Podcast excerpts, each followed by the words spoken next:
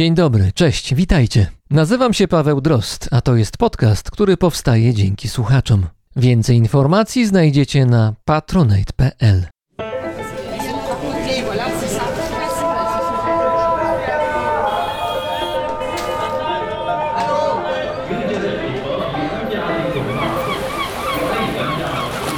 Brzmienie świata z lotu Drozda.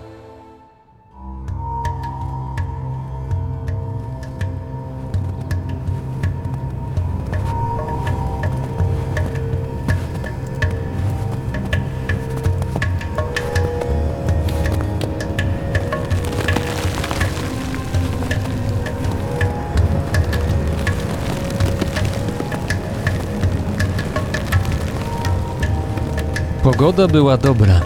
Na tyle, na ile stać było Himalaje na wysokości 5000 metrów o tej porze roku. Hariki Shin Madwal szedł pewnie, choć z zachowaniem odpowiednich środków ostrożności. Znał te góry i wiedział, że nie wybaczają błędów. Szczególnie jedna z nich. Był rok 1942. Nad okolicą dominowała góra o dwóch szczytach. Gdzieś tam swoją siedzibę miała Nanda Devi, bogini, małżonka wszechmocnego boga Siwy o wielu twarzach i postaciach. Bogini cieszyła się respektem Hindusów, ale Brytyjczycy ignorowali jej potęgę. Już pod koniec XIX wieku próbowali wejść na Świętą Górę. Do sanktuarium u jej stóp wdarli się w 1934 roku, a dwa lata później postawili stopę na zachodnim szczycie. Nigdy wcześniej człowiek nie wszedł tak wysoko. Ponad 7800 metrów. Niewiele później, bo w roku 1939 na szczycie wschodnim pojawili się Polacy. Góra nie pozostała im dłużna. Dwóch Himalajstów zostało przy niej na zawsze.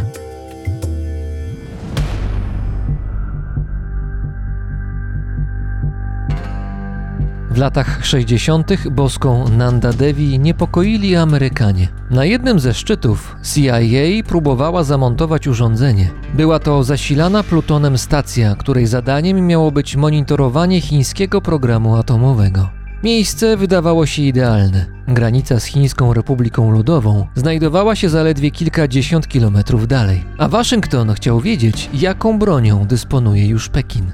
I tym razem bogini powiedziała nie. Agenci himalaiści musieli salwować się z góry ucieczką, porzucając transportowany przez siebie radioaktywny ładunek. W akcji brali udział także agenci Indii, państwa, które za pięć lat wybije się na niepodległość. Teraz jednak te ziemie wciąż są częścią brytyjskiego imperium, a Hariki Shin Madwai jest poddanym króla, który mieszka 6700 km od Nanda Devi.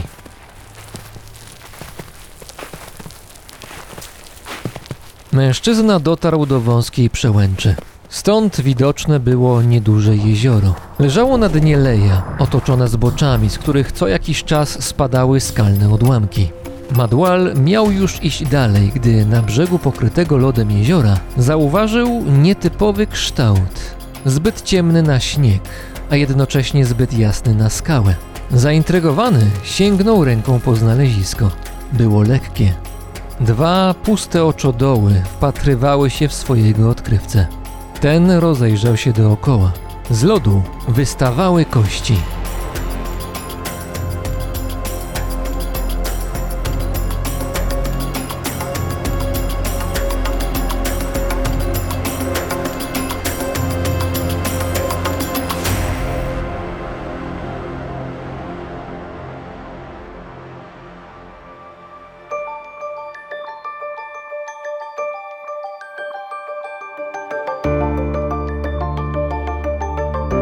Człowiek, który wyjeżdża z domu i opuszcza znane mu otoczenie, wnet zamienia się w turystę. Nowe środowisko, nowa okolica pobudzają jego ciekawość. Turysta próbuje więc zobaczyć, dotknąć, a czasem nawet zrozumieć to, z czym się zetknął. Skala tych prób zwykle ma ograniczony wymiar, niemniej bywają jednostki o większej ambicji i znaczącym głodzie wiedzy. Jeśli jednocześnie w swoich peregrinacjach szukają emocji, mogą zasilić grono tych, których napędza dark tourism, mroczna turystyka. Za jej narodziny w 1996 roku odpowiedzialni są dwaj badacze z Glasgow, Malcolm Foley i John Lennon. Wbrew pozorom, ten ostatni nie jest tym Lennonem, który 16 lat wcześniej w Nowym Jorku zakończył życie w wyniku niespodziewanego i opłakanego w skutkach kontaktu z czterema pociskami kaliber 38. Chociaż zjawisko mrocznej turystyki zyskało nazwę całkiem niedawno, ma znacznie dłuższą historię.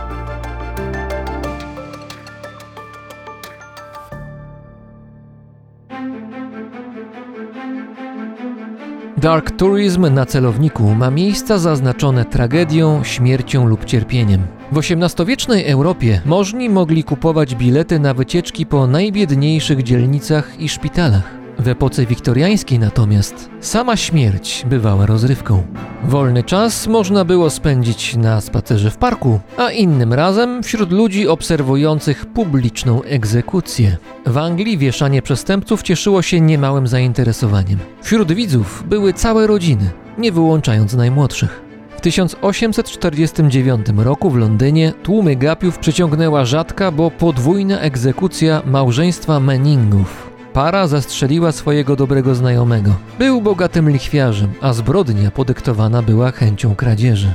Małżonkowie zostali skazani na śmierć przez powieszenie, a wykonanie wyroku obserwowało od 30 do 50 tysięcy ludzi. W oczekiwaniu na egzekucję widzowie kupowali od krążących obok sprzedawców jedzenie i napoje. Miejsca na balkonach, a nawet na dachach okolicznych budynków, skąd szubienica była dobrze widoczna, kosztowały znaczące sumy. Wykonawcą wyroku był William Calcraft. Miał doświadczenie. W trakcie swojej kariery wysłał na tamten świat ponad 400 skazańców. Jak się ocenia, celowo przeprowadzał egzekucje tak, by trwały odpowiednio długo, ku uciesze publiczności. Wśród widzów egzekucji małżeństwa Manningów było dwóch pisarzy: Herman Melville, autor Moby Dicka, oraz Charles Dickens. Ten drugi pisał później do prasy o szoku, którego doznał obserwując nieprzyzwoitą rozkosz, jaką przejawiał zebrany tłum. Krytykował też chorobliwą fascynację ludzi, którzy przyglądali się temu, co działo się na szubienicy. Fascynacja ta trwała zresztą nawet po egzekucjach, ponieważ widzowie mogli kupić osobliwe pamiątki lub fotografie. W Anglii publicznych egzekucji zakazano w roku 1868. Współcześnie tanatoturystyka ma wiele twarzy i nie każda z nich wiąże się z etyczną kontrowersją, lub też owa kontrowersja może występować w różnym natężeniu. Dużą popularnością cieszą się miejsca opuszczone. Jest wśród nich czarnobylska strefa wykluczenia, gdzie jeszcze przed ubiegłoroczną rosyjską inwazją często odbywały się zorganizowane i akceptowane przez lokalne władze wycieczki. Inne miejsca związane z energią atomową, znane mrocznym turystom, znajdują się m.in. w Algierii. W południowej części kraju, w czasach kolonialnych, Francuzi przeprowadzali pierwsze testy swojej broni atomowej. Na dwóch poligonach doszło w sumie do 17 testowych eksplozji, cztery w powietrzu, pozostałe w wydrążonych specjalnie na tę okazję tunelach. Bezpieczeństwo, jak się wydaje, nie było priorytetem, dlatego opad radioaktywny pokrył część południowej Algierii, w tym tereny zamieszkane przez ludzi, co odbiło się na ich zdrowiu. W 1962 roku jeden z testów obserwowany przez liczną grupę francuskich obserwatorów, w tym ministrów, wymknął się spod kontroli. Z tunelu, gdzie przeprowadzano eksplozję, wydobyła się radioaktywna chmura, a dookoła zaczęły latać skażone skalne odłamki. Incydent spowodował panikę wśród widzów, którzy, jak się okazało, byli za blisko tunelu. Wielu z nich zostało napromieniowanych i później cierpiało na związane z tym dolegliwości. Dzisiaj dawne francuskie poligony atomowe są zamknięte dla postronnych. Mimo tego mroczni turyści znają sposoby, by wejść do środka i obejrzeć opuszczone wojskowe zabudowania oraz okolice wspomnianych tuneli. Jak radzą najbardziej doświadczeni zwiedzający, dobrze jest wziąć ze sobą licznik Geigera na wszelki wypadek. Mroczni turyści na całym świecie chętnie zaglądają do byłych więzień, które owiane są złą sławą. W Stanach Zjednoczonych popularne jest Alcatraz. W Albanii niektórzy decydują się na nieoficjalne zwiedzanie więzienia Spacz. Swoje wyroki odsiadywali tam więźniowie polityczni, przeciwnicy reżimu Envera Hodży. Obecnie kompleks jest opuszczony i popada w ruinę. Kto ma czas i środki, pojedzie na Andamany. To archipelag na Oceanie Indyjskim. Znajduje się tam dawna brytyjska kolonia karna. Służyła jako miejsce odosobnienia dla przestępców oraz dla Indusów, którzy od połowy XIX wieku walczyli o niepodległość dla Indii. Warunki życia na odizolowanych od kontynentu wyspiarskich więzieniach były bardzo trudne. Szerzyły się choroby, a wobec więźniów stosowano tortury. Kompleks na Andamanach zamknięto w 1939 roku w wyniku protestów m.in. Mahatmy Gandiego. Lecz na krótko. W czasie II wojny światowej archipelag przejęły wojska japońskie, a za tamtejsze kraty trafili brytyjscy jeńcy wojenni. Obecnie Andamany kontrolowane są przez Indię, a część dawnych więzień ma status muzealny i jest dostępna dla zwiedzających.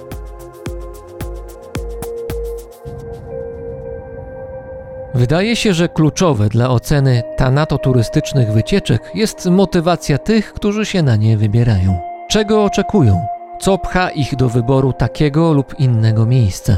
Niezdrowa emocja, o której pisał Charles Dickens, czy też chęć poszerzenia wiedzy i horyzontów? Czy mroczną turystyką jest odwiedzanie miejsca pochówku słynnych ludzi na cmentarzu Père Lachaise w Paryżu lub choćby na Powązkach w Warszawie? A zwiedzanie katakumb lub sal z ustawionymi w równych rzędach czaszkami? Takich miejsc jest niemało, również w Polsce. W Kudowie Zdroju znajduje się dostępna dla ruchu turystycznego tzw. Tak kaplica czaszek. Na niewielkiej przestrzeni umieszczono kilka tysięcy dobrze widocznych ludzkich czerepów oraz dodatkowo niezliczone ludzkie kości. Bilety można kupić zaraz obok, w kasie. Paryżu natomiast zwiedzanie katakumb wypełnionych po brzegi pozostałościami po dawnych mieszkańcach miasta można połączyć z rejsem po sekwanie, a w finale z winem w jednej z restauracji. Są tacy, którym nie wystarcza oficjalna, licząca 2 km trasa wśród czaszek i kości. To katafile. Wchodzą do paryskich katakumb nielegalnie. Eksplorują je lub traktują jako miejsce do spędzenia wolnego czasu. Przestrzeni mają dużo. Całość podziemnych nekropolii pod Paryżem liczy kilkadziesiąt kilometrów.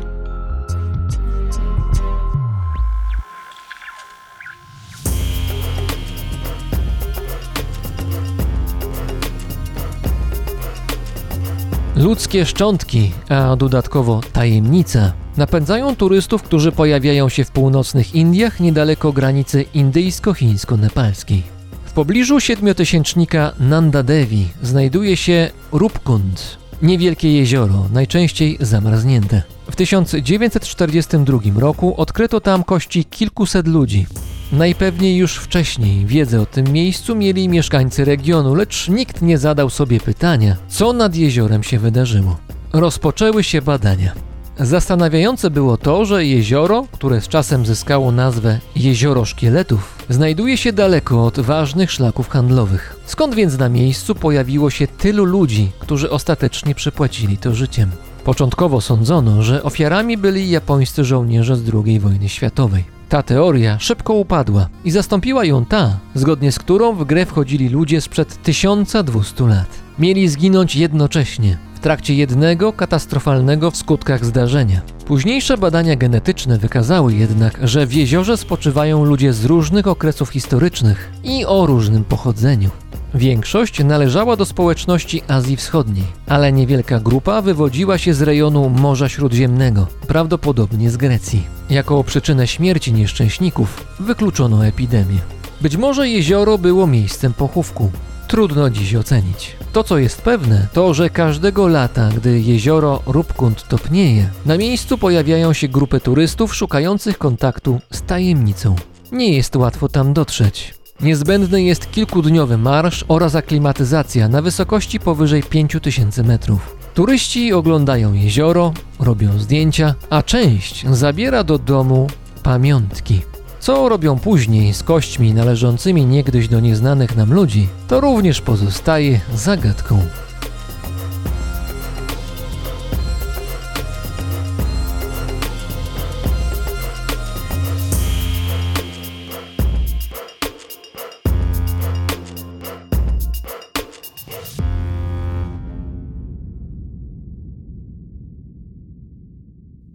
Jedna z popularnych i dość wiarygodnych teorii tłumaczących tajemnice jeziora szkieletów związana jest z pogodą. Na niektórych czaszkach badacze zauważyli poważne obrażenia. Ich przyczyną mógł być grat wielkości piłeczek tenisowych, tym bardziej, że gdyby na miejscu doszło do załamania się pogody, ludzie nie mieliby możliwości znalezienia osłony przed niebezpieczeństwem z nieba. Również dzisiaj grad może być groźny dla życia i zdrowia ludzi, podobnie jak inne nagłe, gwałtowne zjawiska atmosferyczne, które tylko pozornie są domeną odległych od Europy krajów i regionów. Posłuchajcie.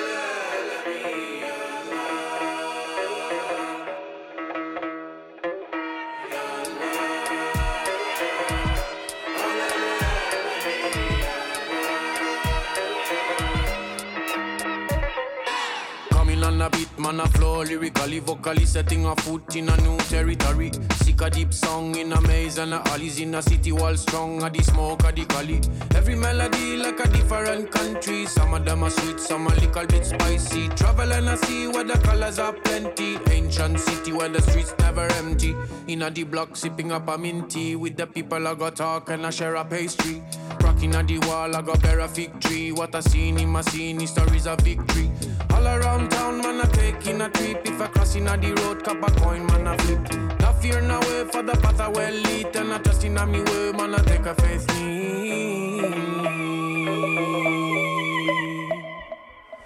Round and around the planet we are go. Getting on the walk, I follow the tempo.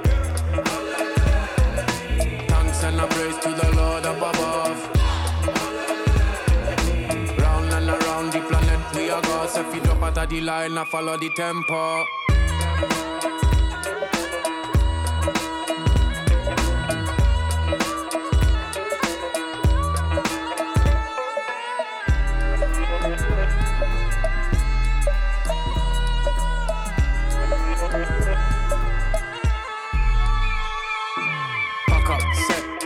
Man already ready fi go groove and move out of the city. Me say walk straight, step steady. So we are gonna reach a new place already. Discover the heart of the rhythm of this country. Me wonder how them a grow up sense. In a me way, say the path get rocky when I come steep a road when me backpack a heavy, but I soon look. What is this? In the distance, I see a green place, so me rush soon. Check this. Down in the valley there is an oasis. As I reach fi see what the surprise is. See the people like come out of them places. And the shining of the smile on them faces. Make me see the definition of what wealth is. Round and around the planet we are go. Getting on the walk, I follow the tempo. And a praise to the Lord up above. Round and around the planet we are go. So if you drop out of the line, I follow the tempo.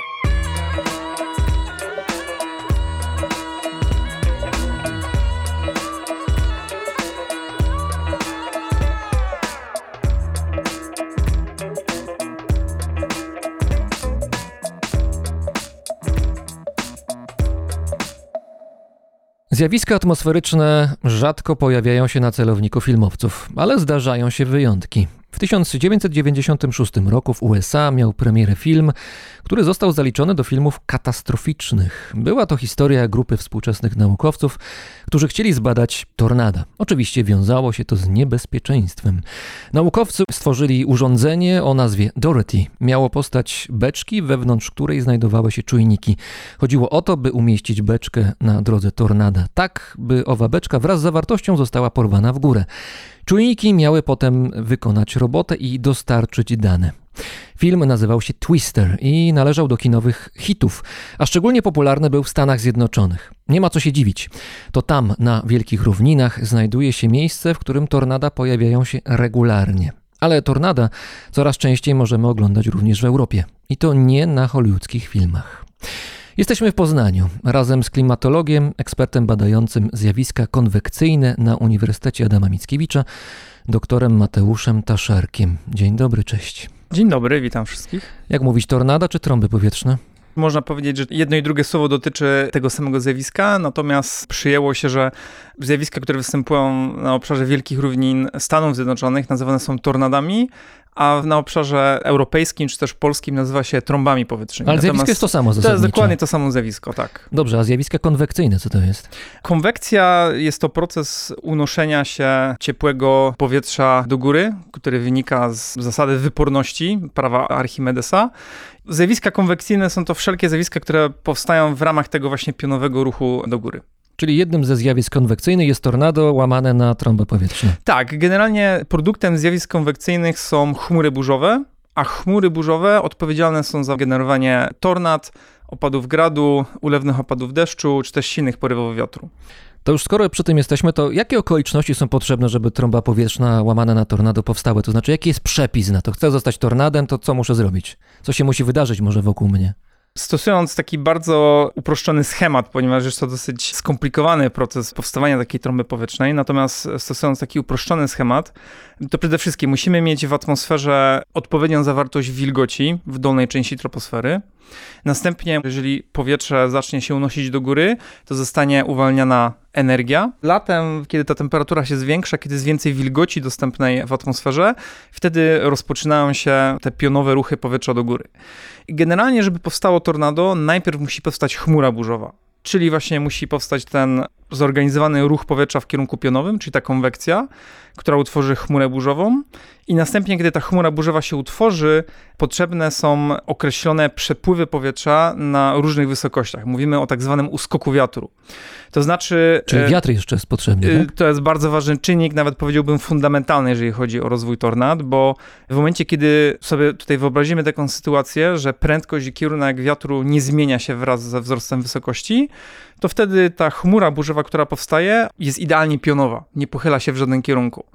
To, To, jest powo- chmura pionowa, nie? Tak. Chmura raczej sobie wyobrażałem jako te takie rozlane barany na niebie. One nie mają postaci pionowej, tylko bym poziomem raczej je widział. Tak, ona z czasem się gdzieś tam rozrasta poziomo, natomiast ja tutaj mówię o takiej wyidealizowanej jakby chmurze burzowej, która powstaje w sytuacji, kiedy prędkość i kierunek wiatru nie zmienia się wraz ze wzrostem wysokości. W momencie, kiedy taka chmura burzowa powstaje, to prąd wstępujący, czyli ten ruch powietrza w kierunku pionowym do góry, on powoduje bardzo intensywną kondensację pary wodnej. To powoduje, że Czyli woda się z tego robi. tak, woda, jakby kropelki wody się wyciskają z powietrza, tak jakbyśmy zabrali gąbkę i wycisnęli z niej wodę. Ta woda jest wyciskana z powietrza, gdzieś tam na wysokości 4, 5, 6 kilometrów i w momencie, kiedy taki prąd wstępujący jest bardzo mocno obciążony tymi hydrometeorami, czyli kropelkami wody, cząstkami lodu, to następuje jego załamanie pod wpływem masy Ciężar, to, to waży, Tak, musi spaść. i wtedy powstaje bardzo silny prąd wstępujący, który powoduje eliminację tego prądu wstępującego. Ale to wtedy chyba mamy burzę po prostu, prawda? Tak, Co mamy burzę, tak, Albo ale, grad ewentualnie jeszcze. tak, ale ta burza jest takim zjawiskiem krótkotrwałym. Zazwyczaj ten proces trwa 30 minut. Ona nie ma jakby czasu, żeby zorganizować się na tyle dobrze, żeby generować te zjawiska atmosferyczne, niebezpieczne. Tutaj jakby omawiałem sytuację, kiedy prędkość i kierunek wiatru wraz z pionem się nie zmienia.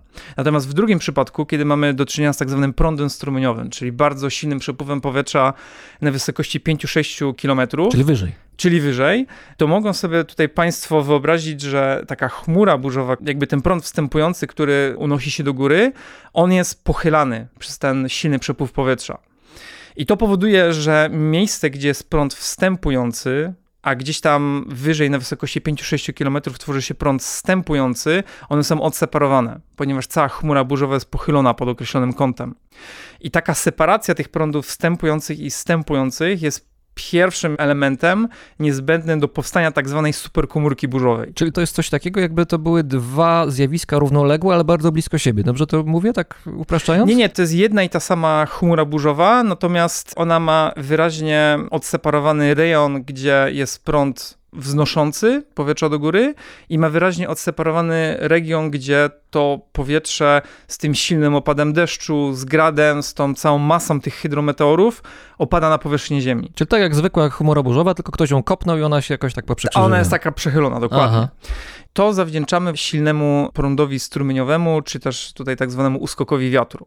I teraz obszar Stanów Zjednoczonych się charakteryzuje tym, że mamy tam dostępną dużą zawartość wilgoci w dolnej warstwie troposfery, mamy dużo niestabilnej atmosfery, która wynika z tego, że jest tam właśnie ciepło i wilgotno, i mamy silny prąd strumieniowy, który pochyla te chmury burzowe i powoduje lepszą organizację. Te burze zamieniają się w superkomórki. Więc jeżeli chodzi o uskok wiatru, to możemy go rozpatrywać w dwóch kategoriach. Możemy mieć uskok wiatru kierunkowy oraz prędkościowy. O co z tym chodzi? Uskok wiatru prędkościowy polega na tym, że mamy zmieniającą się prędkość wiatru wraz ze wzrostem wysokości. W zdecydowanej większości przypadków jest tak, że przy powierzchni Ziemi mamy bardzo słaby przepływ powietrza i wraz ze wzrostem wysokości ten przepływ powietrza jest coraz silniejszy. Im większa jest ta różnica, tym bardziej to sprzyja powstawaniu ekstremalnych zjawisk burzowych, takich jak właśnie tornada czy też opady gradu. No dobrze, ale mi się wydawało, że tornado jest najsilniejsze na dole. Tam porywa te wszystkie domy, krowy, nie wiadomo co jeszcze, samochody. Czy źle myślę? No właśnie to tak nie funkcjonuje, ponieważ tornado... Czy tam to tak- piekło jest na górze? Tak, tutaj można to w bardzo dużym uproszczeniu określić to w taki sposób, że tornado rodzi się z tego, co się dzieje w sercu chmury burzowej na wysokości 3-4 km.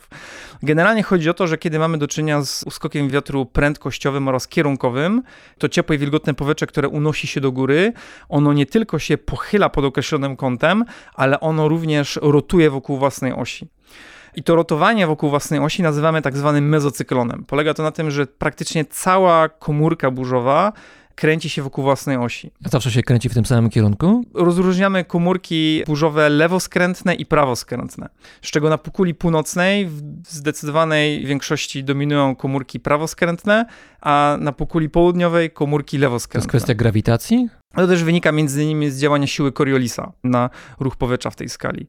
I teraz chodzi o to, że w momencie, kiedy mamy taki prąd wstępujący, który bardzo silnie rotuje, to on gdzieś, powiedzmy, w czasie, jak ta superkomórka burzowa nabiera coraz to lepszej organizacji i struktury w czasie, to ten rotujący prąd wstępujący, on schodzi coraz niżej, coraz niżej, coraz niżej i przy określonych warunkach atmosferycznych może dojść do samej powierzchni Ziemi. I wtedy dopiero mówimy o tornadzie, prawda? Tak, bo, bo jeżeli to dokładnie. się kręci na górze, bo też się może kręcić, to tornadem jeszcze nie jest. Nie, to jest tak zwany mezocyklon. Natomiast jakby definicja tornada polega na tym, że jest to pionowa, wirująca kolumna powietrza, która dochodzi do powierzchni Ziemi, która tak naprawdę rozciąga się od powierzchni Ziemi do podstawy chmury burzowej. I często mamy takie sytuacje, że gdzieś ten wir próbuje zejść do powierzchni Ziemi, widzimy taki lejek kondensacyjny, ale on nie osiąga powierzchni Ziemi, to wtedy nie mówimy o tornadzie. To wtedy mówimy o, można powiedzieć, zalążku trąby powietrznej, czy też funnel cloud, czyli po angielsku można to przetłumaczyć na lej kondensacyjny, natomiast to nie jest tornado.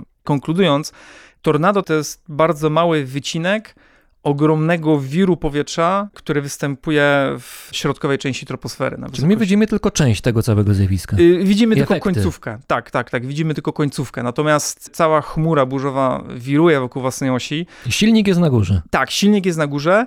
Co więcej, jak powstają te chmury burzowe, one też potrzebują czasu, żeby odpowiednio zorganizować się, uzyskać odpowiednią siłę tego rotującego wiru powietrza. To nie jest tak, że chmura burzowa powstaje i nagle po 5 czy 10 minutach od razu schodzi tornado. To jest tak, że potrzebny jest czas, żeby te prądy wstępujące się odpowiednio zorganizowały. Tak więc z mojego doświadczenia, tak jak jeździliśmy właśnie za burzami w Stanach Zjednoczonych, to od powstania komórki burzowej potrzebne jest około 30, 40, czasami nawet ponad godzina, żeby trąba powietrzna osiągnęła powierzchnię Ziemi. No właśnie, badałeś między innymi w Stanach Zjednoczonych tornada. Wiem, że na pewno były to długie godziny spędzone przed komputerem, no bo trzeba to wszystko obliczyć, przeliczyć, dodać, ująć. To są rzeczy, które nie do końca chcę wchodzić, bo to już jest matematyka, czyli taka dziedzina, co do której no, mam poczucie, że mógłbym sobie nie poradzić. Więc skupmy się może na razie nad kwestią gonienia tych tornad. Może inaczej, dlaczego się tornada goni z punktu widzenia naukowego? No przecież wiemy, jak one wyglądają, no zdjęcia można zrobić, wszystko super, no ale może wystarczy przed komputerem usiąść i tam wyjdzie mi tu taki wykres, tu taki wykres, tu przyjdą dane z jednej stacji meteo, tu z drugiej, tu ktoś zadzwoni i już sprawa zrobiona i mogę obserwować tornado siedząc przed komputerem we własnym biurze. Po co jeździć?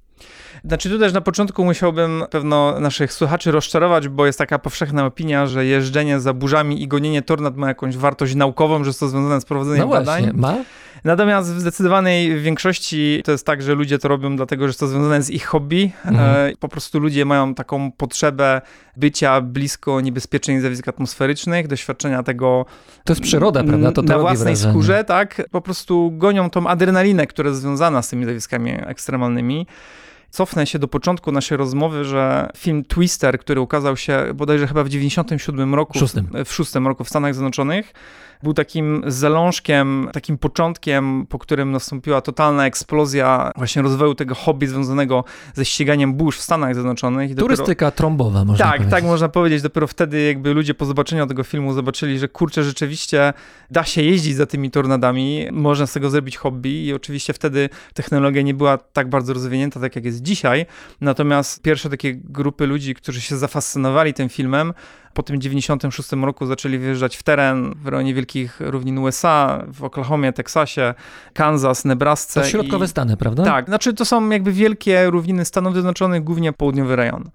I to był taki początek rozwoju tego hobby. Potem, wiadomo, jakby z czasem nastąpił rozwój technologii, powszechny dostęp do doplerowskich radarów meteorologicznych, które są swego rodzaju takim skanerem 3D, które jakby skanują chmurę burzową i mówią nam o tym, co się dzieje w tej chmurze burzowej. Dzięki temu możemy zidentyfikować rotację w takich komórkach burzowych. Ale to znaczy, czy to się odbywa w ten sposób, że sobie siedzę, jem sobie śniadanie i jestem takim łowcą tornad, patrzę sobie na te mapy, przychodzą do mnie dane i dopijam kawy i mówię, dobra, muszę się pospieszyć, bo za 45 minut tutaj będzie wielki lej, który sprzątnie z powierzchni ziemi całe miasto. Do tego stopnia to jest precyzyjne? To znaczy, to nie jest aż tak precyzyjne i pytanie, czy się odwołujemy do tego, jak to teraz funkcjonuje, czy jak to funkcjonowało 20 lat To temu. może 20 lat temu. No 20 lat temu problem polegał na tym, że nie było tak dobrze rozwiniętej technologii smartfonów, przepływu informacji, nie było powszechnego dostępu do radarów meteorologicznych w telefonach komórkowych, więc na podstawie danych obserwacyjnych, danych z naziemnych stacji meteorologicznych czy danych z pomiarów radiosondażowych,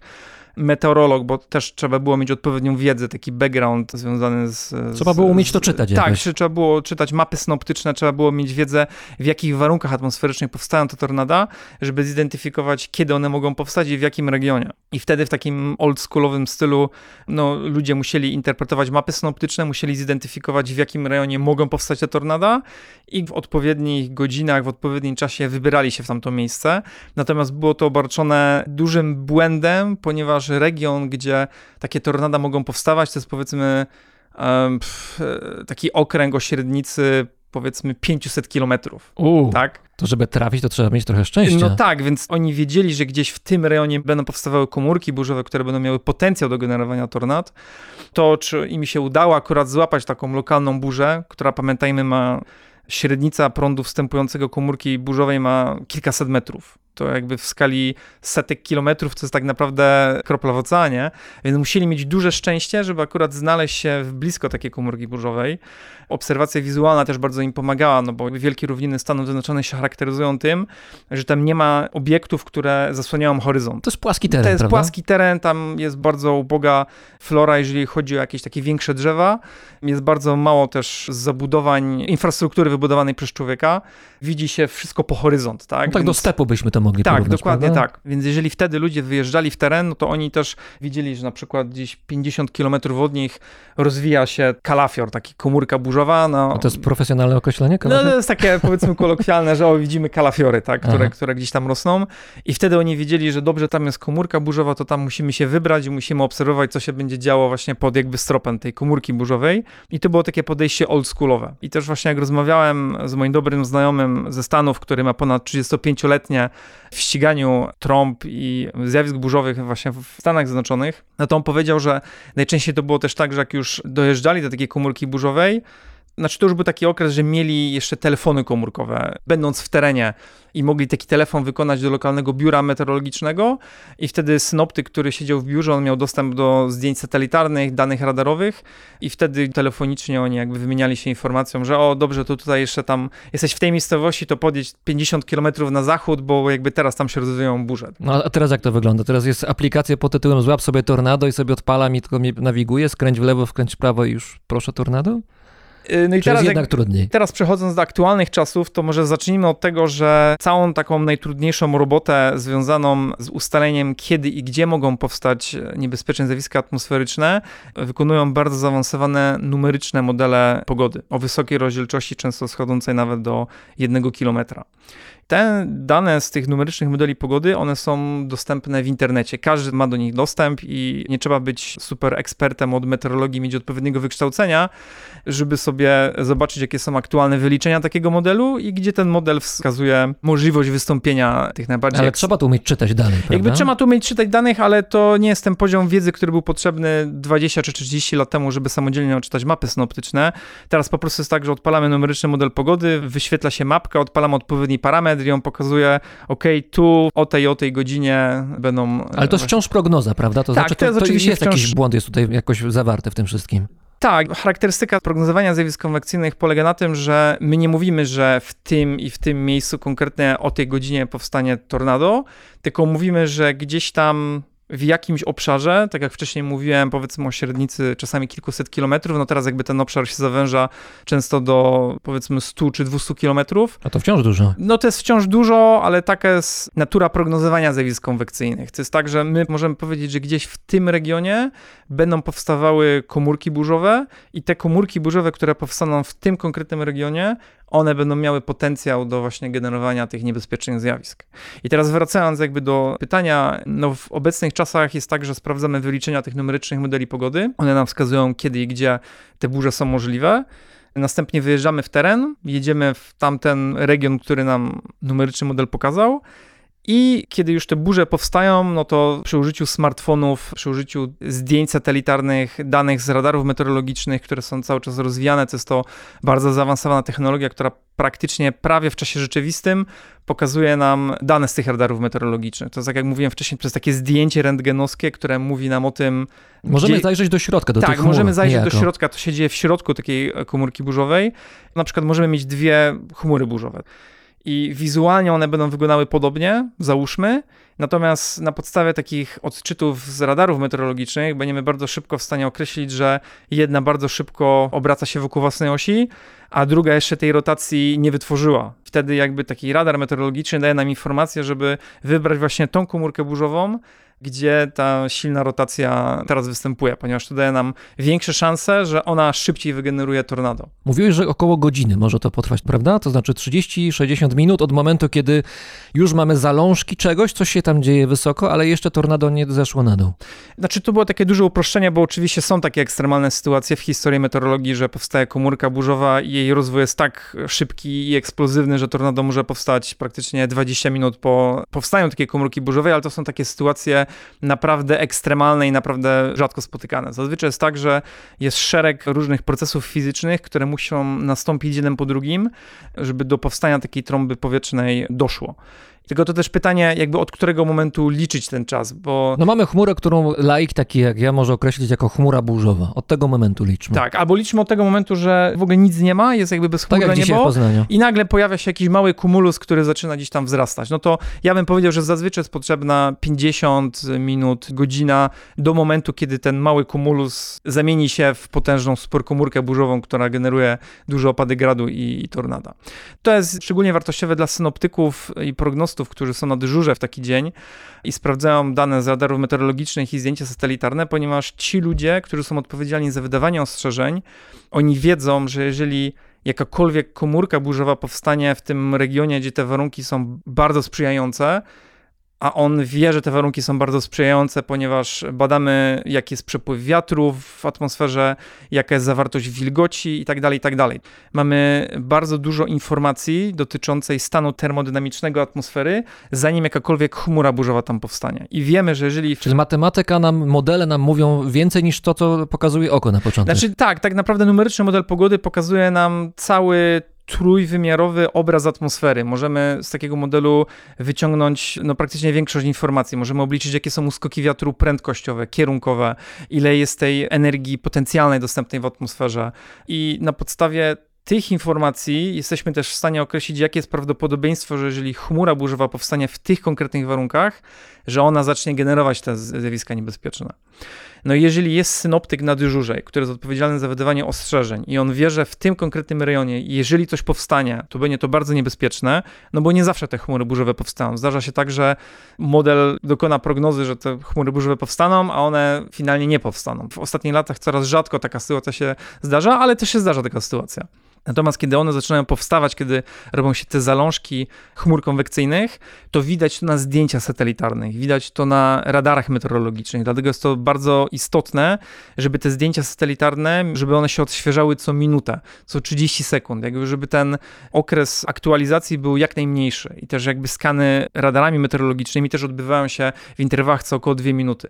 I teraz to bardzo szybko przekazuje informację do takiego synoptyka, że ok, mamy w tym rejonie już jakieś sygnały, że zaczynają się tworzyć chmury burzowe, więc musimy być przygotowani, że w kolejnych godzinach, dwóch albo trzech, w tym rejonie mogą występować bardzo niebezpieczne zjawiska atmosferyczne. A czy na tym etapie mieszkańcy tego rejonu, gdzie potencjalnie może powstać taka trąba powietrzna, już są informowani, czy jeszcze Tak. już wtedy, już wtedy Tak, wiedzą? tak. Jeżeli mówimy o tym procesie informowania, to ja tak bardzo pokrótce przedstawię, jaki jest system prognozowania i ostrzegania w Stanach Zjednoczonych.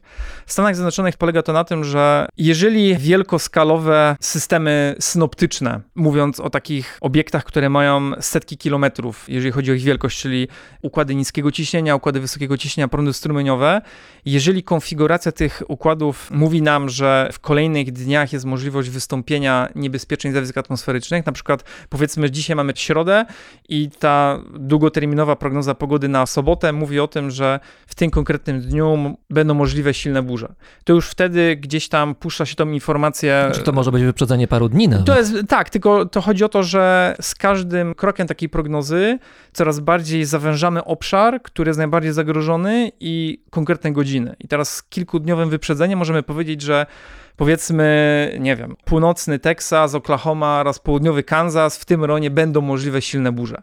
Gdzieś tam już ta informacja przechodzi do mediów już ludzie otrzymują informację, że, że w sobotę za kilka dni w tych rejonach możliwe będą burze.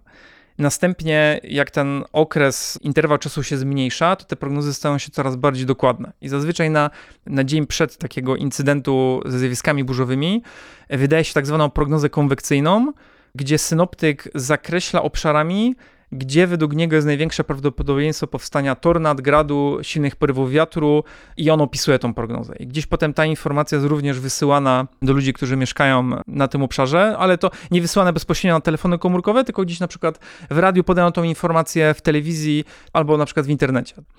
I kiedy już przechodzi ten konkretny dzień, kiedy spodziewany jest rozwój tych zjawisk i kiedy synoptyk, właśnie tak jak wcześniej mówiłem, widzi już zalążki pierwszych kumulusów, które tworzą się na niebie. To już nie jest prognoza, tylko to już widzę. Kiedy widzę, on już dzieje. widzi, że to jakby ten proces zaczyna się już, to wtedy jest wydawany tak zwany Severe Thunderstorm albo Tornado Watch. Nie wiem, jak to po polsku przetłumaczyć, ale to można powiedzieć, że jest to taka jakby obserwacja, taki produkt, który nazywa się obserwacja silnej burzy, czy też obserwacja tornada.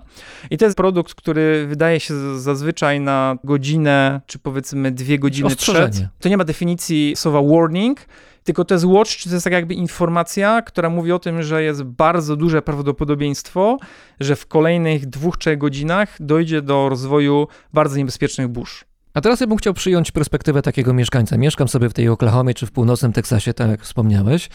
Dostaję parę dni wcześniej, że być może, potem, że bardziej być może, potem Tak. już jest duża szansa i patrzę na zegarek. Za dwie godziny mi mówią właśnie w radiu czy w telewizji, za dwie godziny, słuchajcie, tutaj za chwilkę będzie tornado 4 albo 3 Znaczy, nie, albo coś. nie, nie, nie, nie. No właśnie to? oni nie mówią, żeby nie Tornado 4, tylko w radiu powiedzą coś takiego.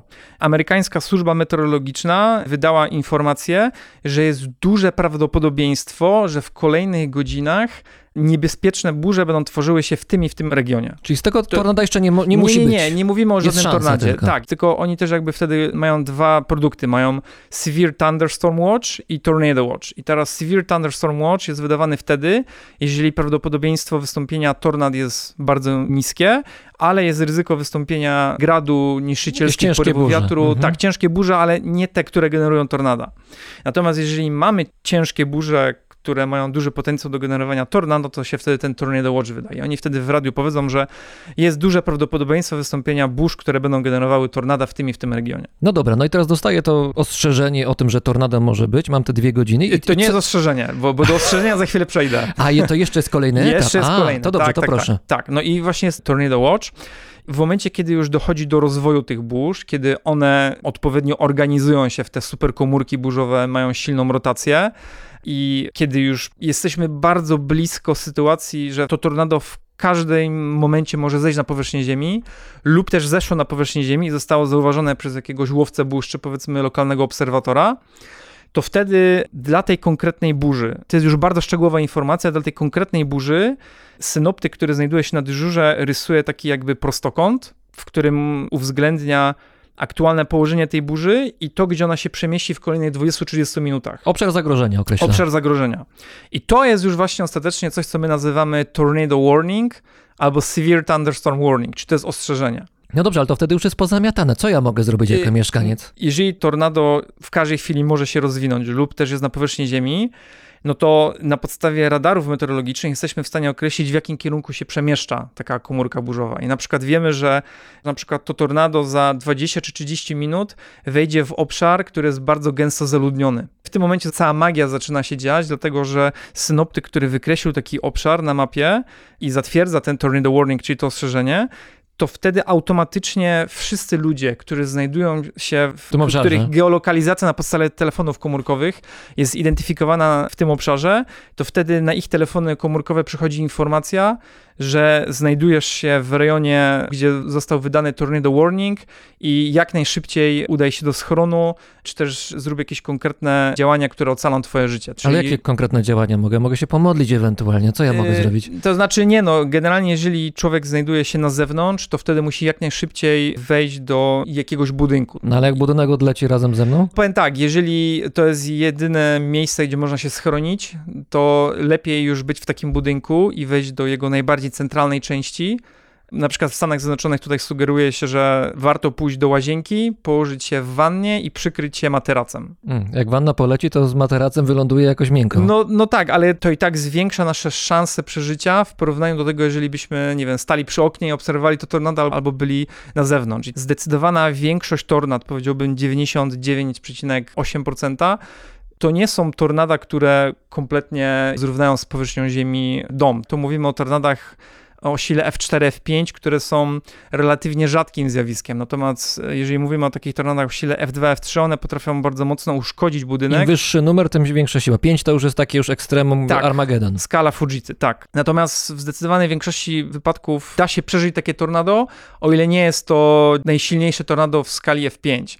Jeżeli oczywiście jesteśmy w budynku, bo nawet jeżeli to będzie tornado F2, F3 i będziemy na dworze, no to możemy zostać zabici chociażby odłamkami, które takie tornado niesie w powietrzu, czy też możemy zostać wyrzuceni w powietrze, albo jeżeli jesteśmy w samochodzie, no to nasz samochód może zostać zmierzony jak harmonika, ponieważ on zostanie poderwany w powietrze i takie tornado rzuci ten samochód powiedzmy 10-12 razy, no i przy każdym uderzeniu ono będzie zgniatane. Więc Właśnie tak, na, na filmie Twister pamiętam była taka scena, że krowa chyba latała.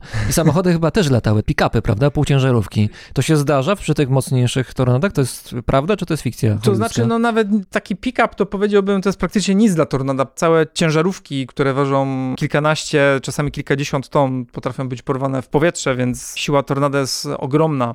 Natomiast ja tutaj chciałem zaznaczyć, że taka siła, ta taka najbardziej destrukcyjna, która potrafi właśnie ciężarówki podnosić w powietrze, ona zazwyczaj występuje na bardzo małym obszarze. Nawet jeżeli mamy czasami tornado o średnicy kilkuset metrów, czy nawet powiedzmy dwóch, trzech kilometrów. To jest dużo czy mało? Tornado o średnicy 2-3 km to jest już takie w kategorii największego tornada, powiedzmy gdzieś tam w historii.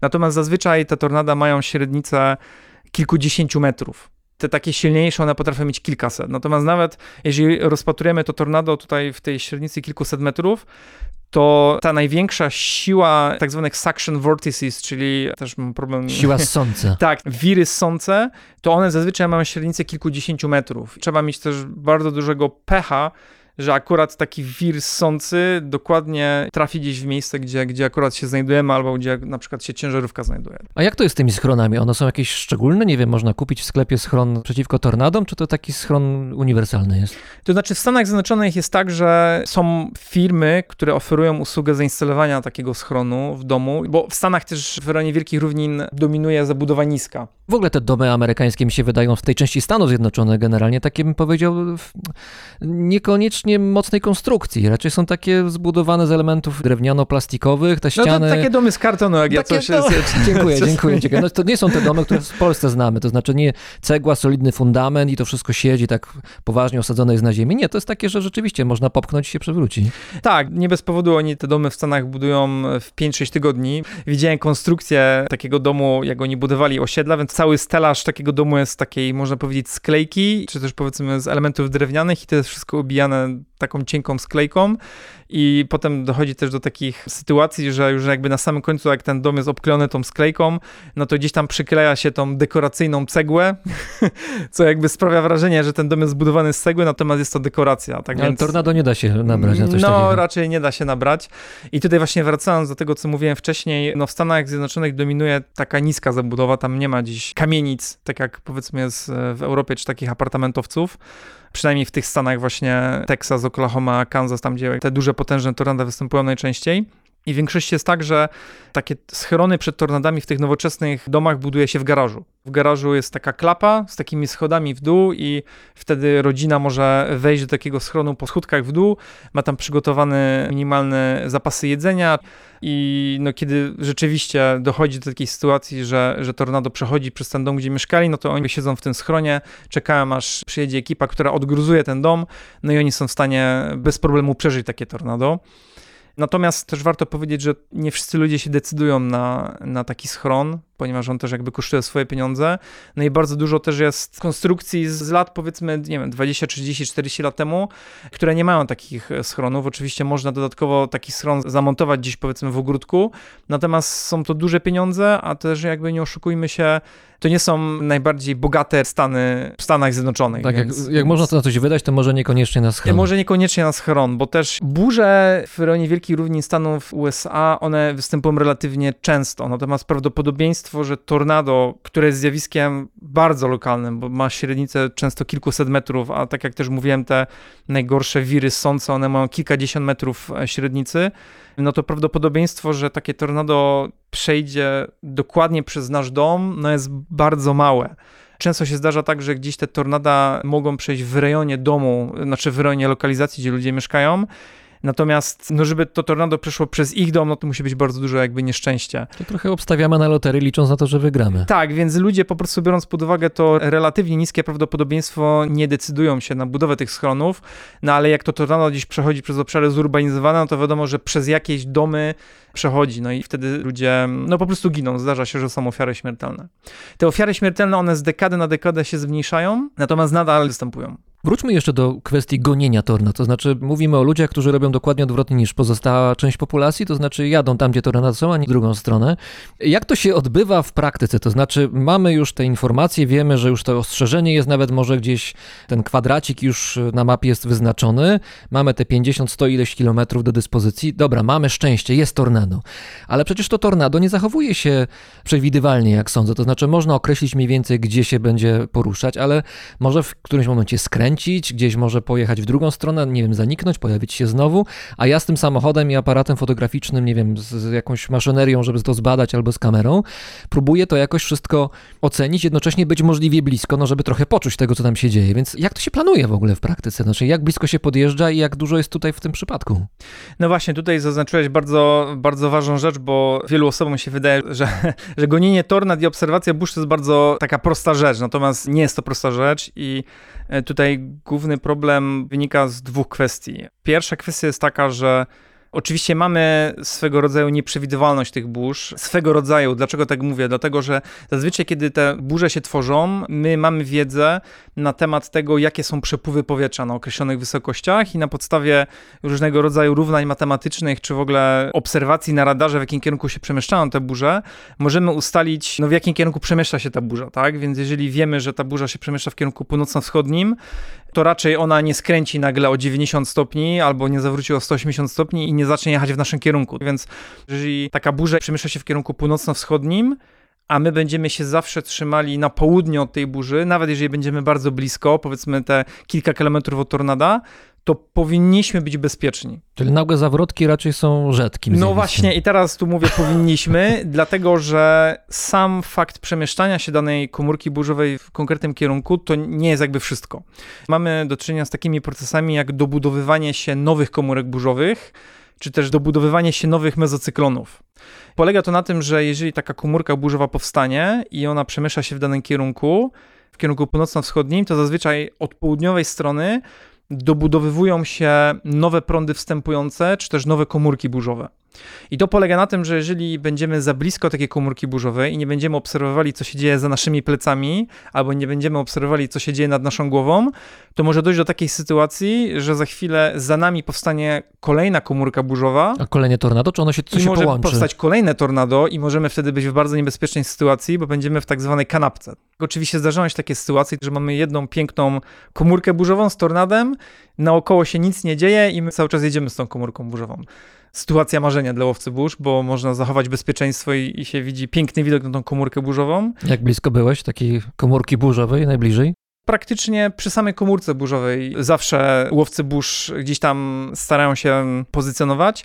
Natomiast jeżeli chodzi o tornado, no to najbliżej tam te kilkaset metrów zdarzyło mi się tak Du- blisko. Dużo to było, jeżeli chodzi o średnicę na dole? To akurat. A, em, zdjęcie jest, Tak, patrzę. to jest takie zdjęcie i to było tornado, które osiągnęło średnicę ponad dwóch kilometrów. A to spore było. No spore, ale wtedy akurat ścigałem burzę z, właśnie z moim znajomym, który ma ogromne doświadczenie w łowieniu tornad, ponad 30 lat. Ufałem jego decyzjom, natomiast też była taka sytuacja, o której mówiłem wcześniej, że tornado przemieszczało się w kierunku wschodnim, a my byliśmy na południu tej komórki burzowej. Tak więc na podstawie danych radarowych, które mieliśmy w swoim smartfonie, byliśmy w stanie określić, jaka jest trajektoria przemieszczania tej burzy i no gdzieś tam bezpiecznie, gdzieś tak się umiejscowić, żeby to tornado przeszło tuż przed nami, ale nie w naszym kierunku.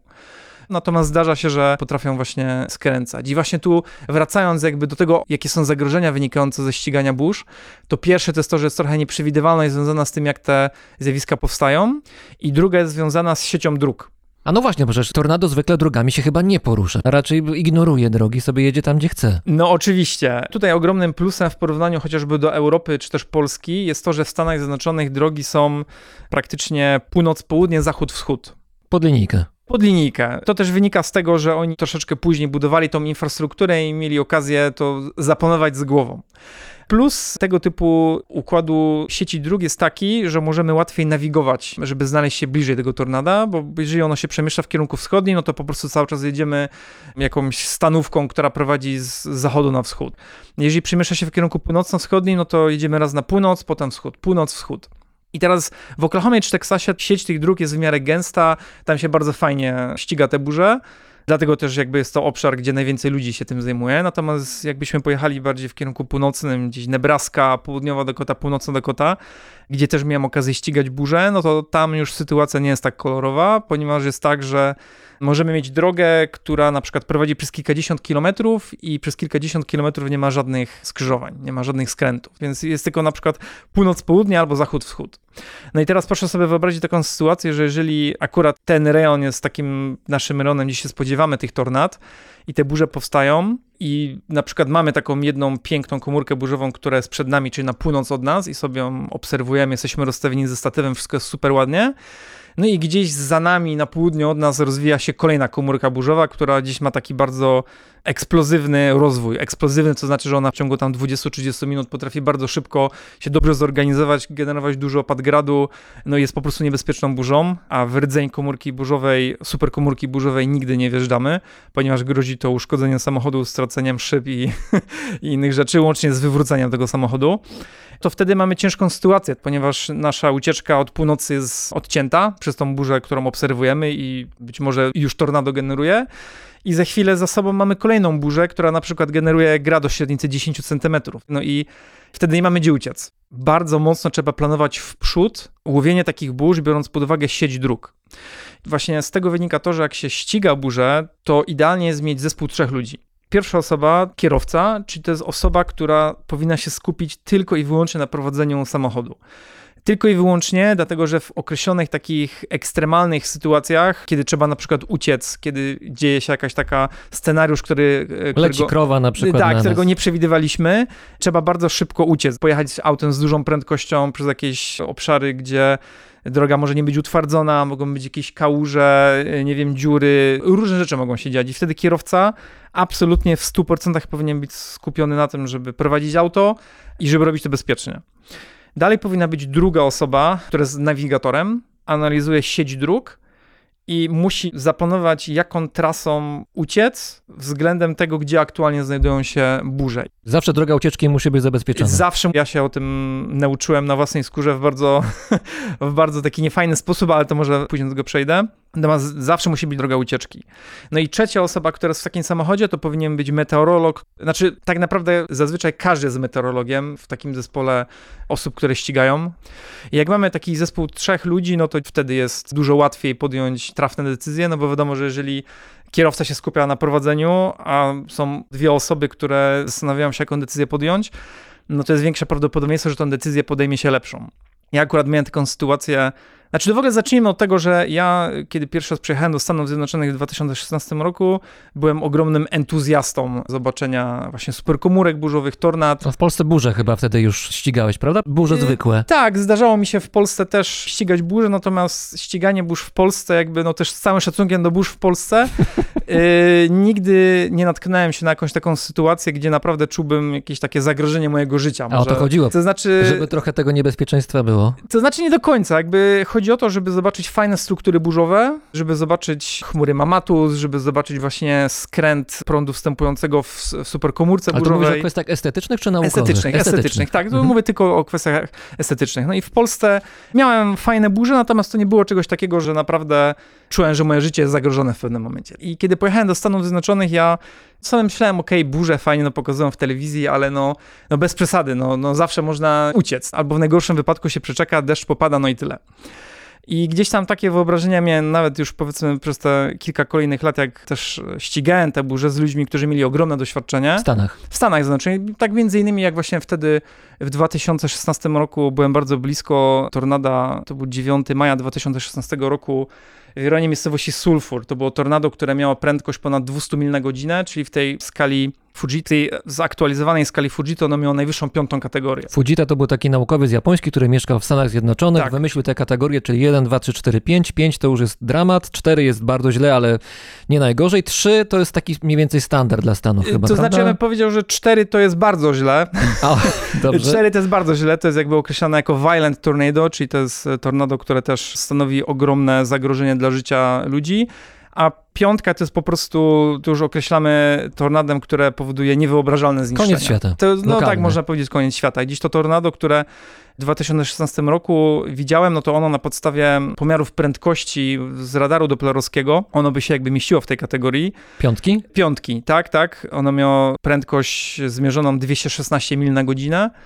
I no, my byliśmy bardzo blisko tego tornada, kilkaset metrów, praktycznie gdzieś tam nad moją głową latały jakieś odłamki, powiedzmy gałęzie tego No ale typu właśnie, to rzeczy. nie jest tylko kwestia trzymania dystansu do samego tornada, ale ono może coś z siebie wyrzucić przecież, prawda? Jakaś ciężarówka nagle może wylądować Y, na masce z przodów. Tak, natomiast są określone zasady, jak trzeba pozycjonować się względem lokalizacji takiego Czyli tornada. gdzie ma coś spadać, tak żeby nie spadało na Tak, nas. no jakby nie chcemy być na trajektorii przemieszczania się takiego tornada i nie chcemy być też no, zbyt blisko tych tak zwanych suction vortices, czyli tych wirów sących. I ja już nawet do tamtego momentu gdzieś tam nie bałem się tych zjawisk. Widziałem już zniszczenia, jakie generują, natomiast nie miałem nigdy poczucia zagrożenia mojego życia. Natomiast w 2020 roku razem z żoną zrobiliśmy sobie taki tour po północnej części Wielkich Równin USA. To było chyba w południowej Dakocie. No właśnie byliśmy w takiej sytuacji, że no ja byłem sam w samochodzie. Moja żona nie jest z wykształcenia meteorologiem, tak więc gdzieś tam na mnie spoczywała odpowiedzialność. Czyli byłeś tymi trzema osobami jednocześnie, No tak można mówiłeś. powiedzieć, że Mhm. byłem jakby i kierowcą, i byłem nawigatorem, i jednocześnie analizowałem te dane meteorologiczne. I to być może już było po prostu zbyt dużo dla jednej osoby, no a też chciałem zapewnić bezpieczeństwo mojej małżonce, więc nie martwiłem się tylko o siebie, ale też o nią. No i tam doszło właśnie do takiej sytuacji, o której mówiłem wcześniej, że sieć dróg była bardzo, bardzo uboga. Obserwowaliśmy jedną komórkę burzową, która była na północ od nas, e, następnie rozwinęły się kolejne burze od strony południowej. To w ogóle była taka sytuacja, że numeryczne modele pogody na ten konkretny dzień pokazywały, że rozwiną się dwie, trzy burze. Tych burz nie miało być dużo, tak więc to jakby zwiększało moją ufność dotyczącą właśnie Czyli tego dwa, konkre- trzy to jest mało. 2-3 to jest tak idealnie, bym powiedział optymalnie. Jeżeli analizujemy ten obszar o średnicy powiedzmy 100-200 km, kilometrów. Jeżeli powstaną tam dwie, trzy burze, to jest bardzo fajnie, dlatego że to jest też jakby taka kwestia, że jeżeli mamy zbyt dużo burz, to te Energia się jakoś rozchodzi, rozumiem, Tak, tak? A jak jest właśnie, jedna, to w tym yy, momencie jest większy potencjał, że tornado z tego powstanie. Dobrze rozumiem? kur- Kurczę, bo tu jest już dużo takich wątków, ale to może ja tylko bardzo krótko powiem o takim wątku dotyczącym właśnie rozwoju burz, że burza jest jakby takim wielkim odkurzaczem, która zasysa ciepłe i wilgotne powietrze. I ona tego ciepłego i wilgotnego powietrza potrzebuje, żeby żyć. To jest jej jakby paliwo. I teraz wiadomo, że jeżeli mamy jedną burzę, która ma na wyłączność całą wilgotną masę powietrza w promieniu 200 km, no to ona czuje się rewelacyjnie. Zasysa to całe powietrze, ona ma jakby dużo czasu, żeby się zorganizować. Nie ma innych burz, które ją tam jakby Nie ma konkurencji. szturchają, nie ma konkurencji. I to są takie idealne scenariusze, gdzie naprawdę mogą się rozwinąć potężne, ogromne superkomórki, które są fotogeniczne, można robić fantastyczne zdjęcia i one są przede wszystkim bezpieczne, jeżeli chodzi o ich ściganie, dlatego że mamy jedną burzę, ona jest jakby bardzo przewidywalna wtedy. Chociaż nie zawsze, ale, ale w większości przypadków tak. Natomiast kiedy mamy sytuację, kiedy tworzy się dużo burz, to te burze zaczynają konkurować pomiędzy sobą, tak jak można kolokwialnie powiedzieć, że one się tak po prostu szturchają. I wtedy ciężko przewidzieć dynamikę rozwoju tych burz, bo może być tak, że, że po prostu w całej tej takiej Ja widzę teraz... kolonii, powiedzmy, mamy 15-20 burz, Tak, tak? jak mówisz, to widzę tutaj stół bilardowy. Mamy bile, jedną uderzy, potem kolejne się poruszają Tak. i one jakoś wzajemnie na siebie wpływają. Jednocześnie każda z nich ma własną dynamikę. Tak, dokładnie. One mogą nagle, powiedzmy, zmieniać kierunki. Jakaś, powiedzmy, komórka pójdzie w lewo, jakaś druga pójdzie w prawo. I jeżeli jest się w terenie jest się otoczonym przez, powiedzmy, 15-20 takich komórek burzowych, to powiedzmy percepcja człowieka no, gdzieś tam ogranicza go w zakresie podjęcia odpowiedniej decyzji, No zbyt dużo danych jest. jak pominąć po prostu Mhm. te wszystkie burze, jeszcze biorąc pod uwagę bardzo ubogą sieć dróg. I właśnie w tamtym dniu się coś takiego wydarzyło, że te komórki burzowe w pewnym momencie tworzyły się jak grzyby po deszczu. No i raz mieliśmy taką sytuację, że właśnie znaleźliśmy się w kanapce. Nie było jakby wyjścia, musieliśmy przeczekać aż rdzeń. Znaczy ja, ja na początku prowadziłem samochód, żeby gdzieś tam uciec, natomiast warunki w pewnym momencie stały się nie do prowadzenia samochodu. A co się dzieje wtedy? To są takie opady deszczu, których ja nigdy w życiu nie doświadczyłem w Polsce. To jest po prostu tak jakby wiadrami lała się woda z nieba do tego stopnia, że praktycznie nic się nie widzi, jak się jedzie samochodem. Siła wiatru jest tak duża, że jeżeli to jest wiatr, który wieje w kierunku, w jakim auto jedzie, to nawet potrafi to auto wyraźnie spowolnić o 20 czy 30 km na godzinę. Na jak jest wiatr boczny, to potrafi tym samochodem też mocno znosić na boki, czy też kołysać. Ja dokładnie nie wiem, czy gdzieś tam przechodziło tornado. Prawdopodobnie nie, bo, bo, bo jeżeli by przechodziło to tornado, to, to pewno byśmy dzisiaj nie rozmawiali. Natomiast tam była taka sytuacja, że musieliśmy się zatrzymać, bo nie dało się jechać dalej. Nie wiem, widoczność wynosiła 50 metrów. No i był taki moment, że, że po prostu auto zaczęło bardzo, bardzo mocno kołysać na lewo, prawo. Była potężna siła wiatru i gdzieś tam. Znaczy, ja byłem przekonany, że w każdym momencie to nasze auto po prostu wywali i my gdzieś tam polecimy, tak? I, i, i tak siedziałem w takiej ciszy i potem żona mi powiedziała, że ona y, nigdy w życiu nie widziała mnie tak bladego i tak siedzącego w takiej ogromnej ciszy. No bo ja po prostu byłem przerażony wtedy. Też na radarze doplerowskim widziałem, że, że był silny wir powietrza, który przeszedł praktycznie, no niemalże nad nami, tylko że też jakby tutaj trzeba rozpatrywać to, że ten wir powietrza, on nie jest idealnie pionowy, to jest taka jakby serpentyna, która może się jakby pochylać w różnym kierunku, więc też ciężko było mi ustalić, gdzie on konkretnie był na powierzchni ziemi, natomiast było bardzo blisko. To jest pierwsza rzecz, którą gdzieś tam nam się udało przeżyć. No a druga kwestia też była taka, że potem się zrobiło kompletnie ciemno i musieliśmy wrócić do naszego noclegu. Mieliśmy tam około 200 km, żeby jakby uciec. No i tam praktycznie była super komórka za super komórką i my wtedy straciliśmy... to nie, był, to nie był koniec zabawy. Nie, nie, nie, trzeba było wrócić jakby do bazy noclegowej i my tam straciliśmy dostęp do internetu, bo to też był taki obszar, gdzie praktycznie, no tam nic nie było, tam się przejeżdżało przez jakąś miejscowość i na przykład było napisane population zero, opuszczonej miejscowości, więc tam jakby się coś stało, no to nie wiem, to chyba dopiero po kilkunastu godzinach w ogóle by ktoś nas tam znalazł i mam po prostu do dziś taki gdzieś tam obraz, że, że jedziemy tym samochodem i tylko podświetlają się tych rdzenie superkomórek burzowych i wizualnie od... e, Podświetlają, bo błyskawice były, rozumiem. tak, bo takie burze generują bardzo dużo błyskawic, więc pomimo, że jest noc, to one całą tą strukturę komórki burzowej rozświetlają od, od środka. I też raz na jakiś czas wiedzieliśmy, że niektóre podstawy tych superkomórek burzowych miały gdzieś tam takie zalążki lejów, że gdzieś tam... Czyli jest podświetlenie, widzisz, że jest coś Tak, strasznego, po czym wszystko gaśnie. Natomiast najbardziej przerażające w tym wszystkim było to, że nie mieliśmy wtedy dostępu do danych meteorologicznych, tych danych radarowych, bo jak ja mam dostęp do danych radarowych, to ja praktycznie mogę jak w ciemno jechać, bo ja widzę konkretnie, gdzie się znajdują te komórki burzowe, widzę, jaka jest moja lokalizacja i ja mogę sobie pięknie nawigować, żeby przejechać pomiędzy nimi, natomiast jak nie było tych danych radarowych, a gdzieś tam dostawaliśmy je raz na 15 minut, gdzieś tam, jak To jest rzadko, w tej sygnał, sytuacji rzadko. tak, i ja pamiętam, że, że, że wtedy wróciłem do hotelu, do naszej bazy noclegowej i byłem tak fizycznie i psychicznie zmęczony emocjonalnie po tym dniu, że sobie powiedziałem, że nigdy w życiu już nie będę ścigał burz. Dziękowałem gdzieś tam siłą natury tak naprawdę, że, że udało nam się tutaj wyjść cało z tego wszystkiego. Ale w kolejnych tygodniach oczywiście wróciłem do tego ścigania burz, natomiast od tamtego konkretnego dnia odczuwam taki, może nie lęk, ale ogromny respekt, jeżeli chodzi o takie e, właśnie burze superkomórkowe i staram się trzymać bardziej na dystans i nie podjeżdżać już tak blisko, tak jak podjeżdżałem. I przede wszystkim już taką lekką paranoję mam, bo też właśnie jak ze znajomymi potem ścigaliśmy te burze, to oni właśnie powiedzieli, że taki jestem paranoid, jeżeli chodzi o, analizę sieci dróg i właśnie tych opcji ucieczki, żeby zawsze mieć po prostu opcję ucieczki. No jestem bardzo ostrożny teraz. Jeżeli chodzi o łowców burz, to część z nich występuje, czy występowała na pewno w różnych programach telewizyjnych. To były nawet dosyć popularne programy. Nawet tworzono specjalne samochody, takie quasi pancerne, które miały jakieś opuszczane boki, żeby ten samochód nie był podniesiony. No, wyglądało jak z Mad Maxa prawie, takie pojazdy przedziwne. Ale wiem, że mimo tego, bodaj 10 lat temu, ekipa właśnie jednego z takich programów dostała się podjechali za blisko albo gdzieś źle coś obliczyli i zginęli. To kilka osób chyba zginęło, z tego co pamiętam. Tak, tutaj mowa jest o tornadzie z 2013 roku, tornado El Reno. To był bardzo rzadki przypadek sytuacji, kiedy tornado potrafi zmienić kierunek. Już nawet nie tyle tornado, cała superkomórka burzowa.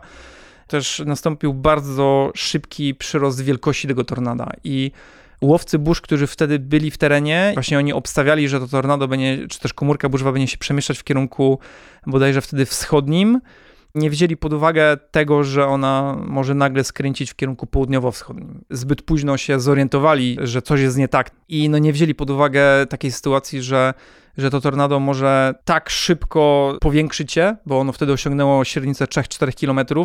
Do dziś to jest największe tornado w historii w ogóle pomiarów. Ale mówisz o wielkości tego leja, czy mówisz o sile? O wielkości leja. Znaczy siła też była potężna, nie była to największa prędkość zanotowana właśnie w tornadzie, ale na pewno pod względem wielkości to było ogromne tornado.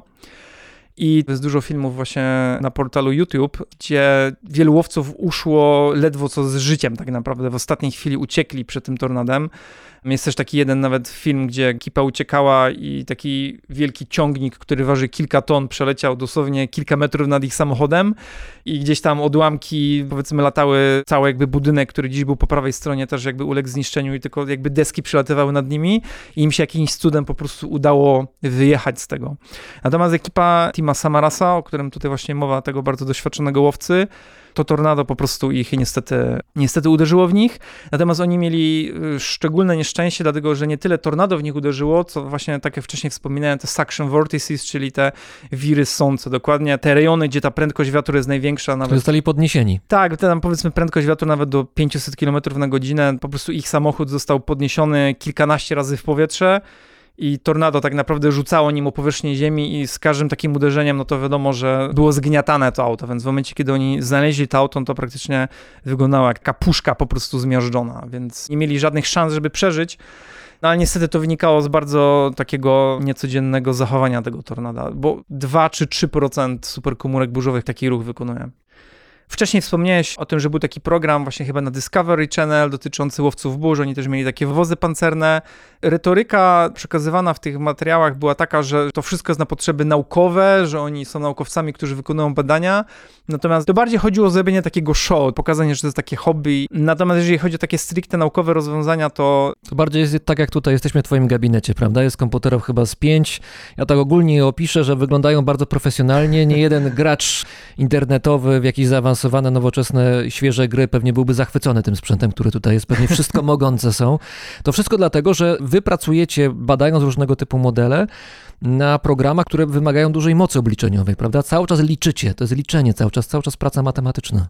Tak, no są dwa rodzaje pracy w działce niebezpiecznych zjawisk atmosferycznych. Albo można pracować na komputerach i, i właśnie tworzyć modele lub też przeprowadzać symulacje, analizować duże zbiory danych, lub też można wykonywać pomiary terenowe. I teraz jeżeli chodzi o pomiary terenowe, to w Stanach Zjednoczonych takim najpopularniejszym projektem było wysyłanie w teren takich mobilnych radarów doperowskich, czyli radarów, które znajdowały się na takich dużych pick-upach albo ciężarówkach.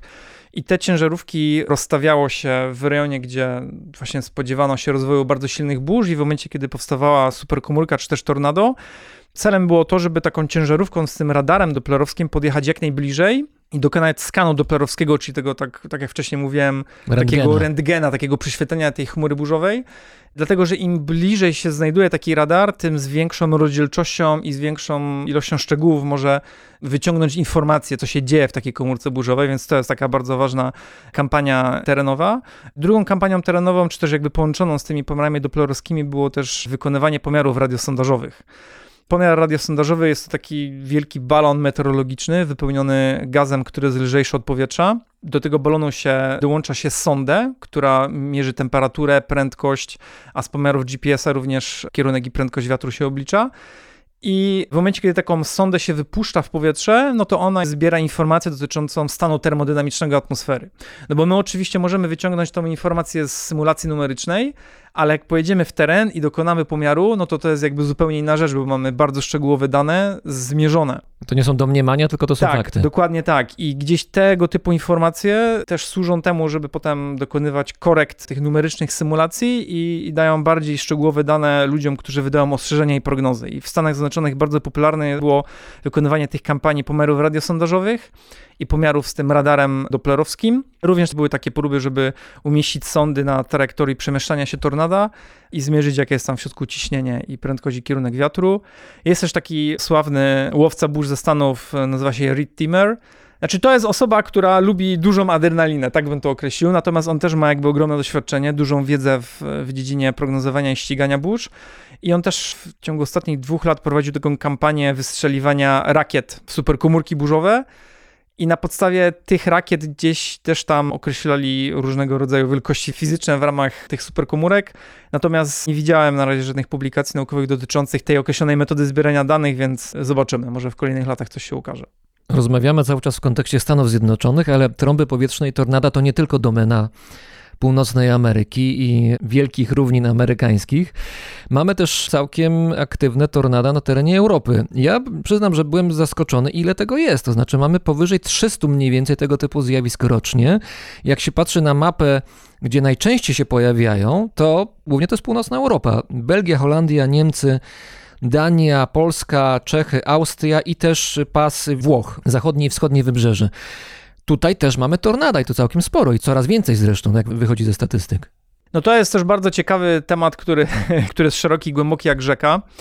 Może zacznijmy od tego, że trąby powietrzne, czy też tornada występujące, ja jakby naprzemiennie używam tych sformułowań. Wiem, że jakby jest taka grupa naukowców w Polsce, która uważa, że powinno się nazywać tornadami te zjawiska, które jakby w Stanach występują, tak, a trąby tak, powietrzne huragany i tajfuny może, to jest tego typu No może coś, dyskusja. ale ja po prostu też używam, że, że w Polsce też jakby są tornada, bo jakby chodzi mi o to samo zjawisko. Tak więc jeżeli chodzi o tornada w Europie, to panuje takie przeświadczenie, że są to zjawiska, które pojawiły się w ciągu ostatnich dekad, których nie było wcześniej, które pojawiają się w wyniku zmian klimatu. Są to zjawiska, które występowały w Europie, no nie chcę powiedzieć od zawsze. Natomiast gdzieś, tak jak sięgałem jakieś zapiski historyczne z XV-XVI wieku nawet, to mamy bardzo wyraźne opisy, które nie pozostawiają żadnych złudzeń, typu na przykład ciemny, cylindryczny lej gdzieś przeszedł przez jakąś miejscowość, podniósł zwierzęta albo rozrzucił kawałki dachu na jakby dużym obszarze, bo wtedy jakby nie używano sformułowania trąba powietrzna, ale są to opisy, które nie pozostawiają żadnych złudzeń, że dotyczą właśnie tornada. Bardzo dużo takich ekstremalnych tornad, które no, niszczyły kościoły, niszczyły solidnie zbudowane budynki. Mamy tutaj szczególnie z północnej części Włoch, nizina, nizinina rzeki Pat, ten obszar nazywamy też taką europejską aleją tornad, ponieważ tam warunki atmosferyczne wynikające z tego, że mamy morze, że właśnie mamy Adriatyk i mamy Alpy, tam występują warunki atmosferyczne, które są zbliżone do tych, które występują w południowej części wielkich równin USA. To mamy dużo zawartość wilgoci powietrza, mamy zwiększone uskoki wiatru, no i mamy dużo tej niestabilności. No mamy też również w Polsce bardzo dużo zapisków historycznych dotyczących trąb powietrznych z XIX wieku, z lat 20. Od XVI 30. wieku z Oleśnicy podobno tam y, Tak. są jakieś zapiski, które mówią, że znaczy, możemy domniemywać, że była tam trąba powietrzna, którą być może ocenilibyśmy ją współcześnie na F4 nawet, to bardzo poważna tornada. Tak, i właśnie też chciałem podkreślić, że te zapisy historyczne, one w większości dotyczą takich zjawisk bardzo silnych, które gdzieś tam właśnie zapisały się w kartach historii.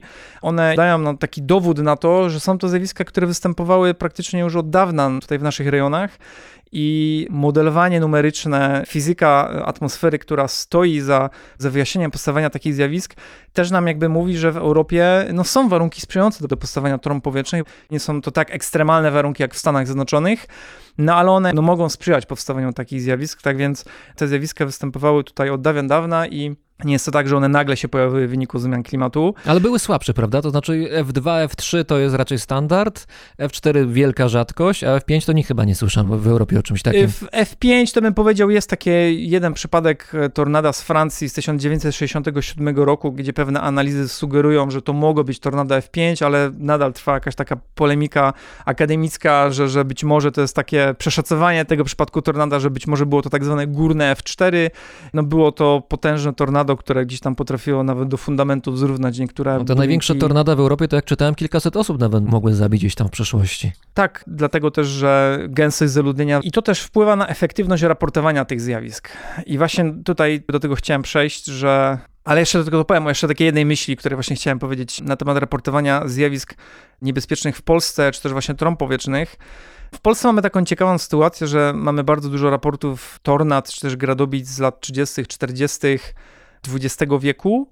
I nagle, kiedy zaczyna się okres komunizmu w Polsce, te raporty magicznie znikają. Praktycznie jest jedna wielka dziura obejmująca właśnie lata 60., 70., 80. I nagle z powrotem w latach 90. znowu zaczynają się pojawiać raporty trąb powietrznych.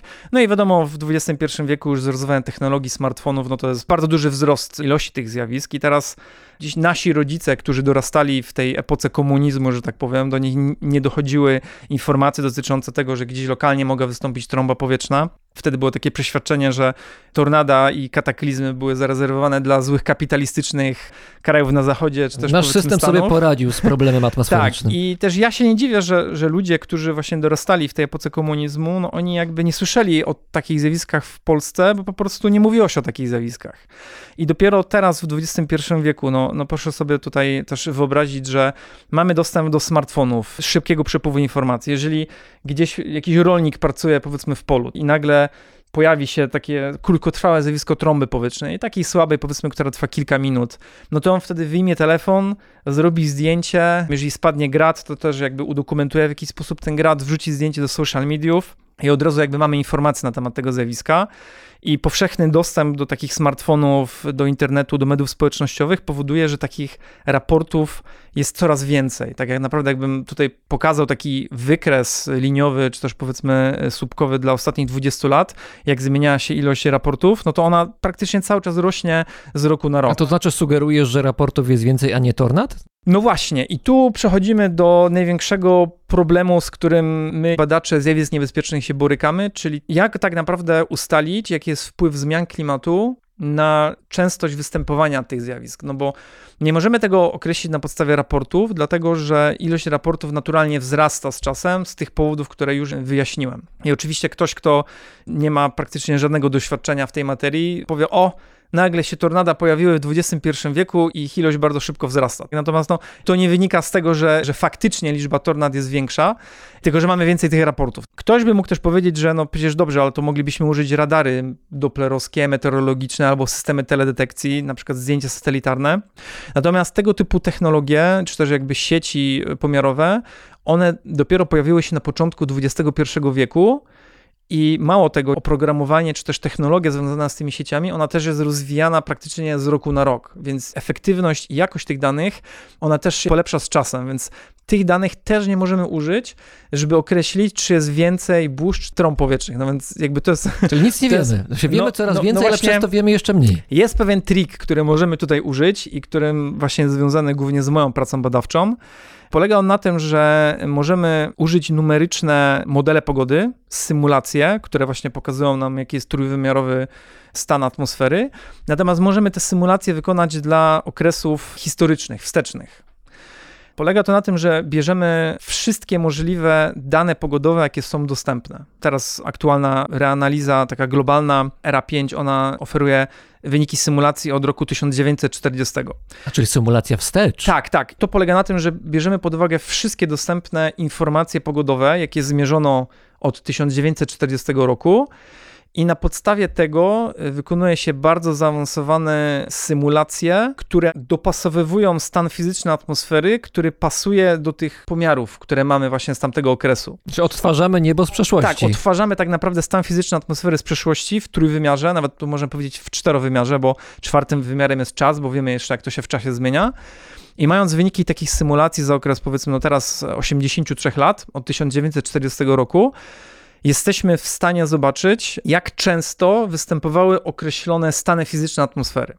I teraz, co ja tutaj mam pod pojęciem stanów fizycznych atmosfery? No musimy tak naprawdę ustalić, w jakich warunkach powstają tornada, w jakich warunkach powstaje grad tutaj w tym momencie właśnie chciałem zaznaczyć, że te raporty zjawisk niebezpiecznych, które zbieramy, które ludzie zbierają od powiedzmy tych ostatnich kilkunastu lat, one są dla nas bardzo wartościowe. Dlatego, że jeżeli z okresu ostatnich 10 lat powiedzmy będziemy mieli 5000 raportów gradu o średnicy 2 cm i będziemy mieli powiedzmy 500 raportów gradu o średnicy 5 cm, to my wtedy możemy zobaczyć, przy jakich charakterystycznych warunkach atmosferycznych te konkretne zjawiska występowały, bo po prostu też mamy wyniki z symulacji z tych dni. I wtedy, jeżeli na przykład. Yy, metody... Tworzycie wzory, które można tak, potem przełożyć na przeszłość. Tak, nawet teraz używamy metody nauczania maszynowego, sztucznej inteligencji i tak dalej, i tak dalej, które się tak naprawdę uczą, jakie są określone schematy, kiedy występują te zjawiska potem aplikujemy to w całym okresie 80 lat i zliczamy, ok, to powiedz mi, jak często tego typu warunki występowały na przykład w rejonie, nie wiem, gdzie się znajduje Poznań, albo powiedzmy w skali całego kraju, albo Europy, albo na przykład całego świata. I na tej bazie jesteśmy w stanie określić, czy jest jakikolwiek związek pomiędzy globalnymi zmianami klimatu, a częstością występowania określonych zjawisk. Czyli ciągle nie wiemy jeszcze. To znaczy, już coś wiemy. Oczywiście to też zależy, czy się odnosimy do obszaru całego świata, Polski, no, czy, czy... skupmy się na Europie może. E, Europie, no to wiemy i to jesteśmy w stanie z taką w miarę dużą jakby dozą pewności stwierdzić, że temperatura oraz wilgotność, one bardzo szybko rosną w Europie. A co za tym idzie, również rośnie tam energia atmosferyczna. To jest to paliwo, którym tak, ewentualnie to jest to paliwo, ma się burza tak, karmić. Już nie wchodząc w szczegóły, to jest po prostu paliwo dla burzy i tego paliwa jest coraz więcej. I to jest coś, co wiemy. Na podstawie tego jesteśmy w stanie stwierdzić, że tych burz będzie więcej na pewno. Natomiast niekoniecznie może być tak, że te burze będą bardziej intensywne. Dlatego, że tak jak wcześniej powiedziałem, za intensywność burzy odpowiada przede wszystkim uskok wiatru. Bardzo dobrym przykładem jest porównanie burz, które występują w tropikach. Tam są burze, które tworzą się codziennie, one są związane z dobowym cyklem konwekcji, powiedzmy, nie wiem, Malezja, Singapur, Kotlina Kongo, Puszcza Amazońska. Natomiast tamte burze nie generują ani opadów dużego gradu, ani tornad. I to wynika z tego, że tam właśnie nie ma uskoków wiatru. Tam, jak się przeanalizuje pionowy profil wiatru, to praktycznie prędkość i kierunek się nieznacznie tak naprawdę zmienia. Natomiast jak przejdziemy do szerokości umiarkowanych, typu na przykład właśnie Europa, Stany Zjednoczone, to te prądy strumieniowe, czyli uskoki wiatru są znacznie silniejsze, dlatego tam występują tornada. I teraz, jeżeli byśmy tak globalnie przeanalizowali, gdzie najczęściej występują tornada i opady dużego gradu, no to to będzie Stany Zjednoczone, Kanada, Europa, część Rosji i na półkuli południowej to będzie rejon Argentyny, południowej Brazylii. W Argentynie zdarzają się tornada?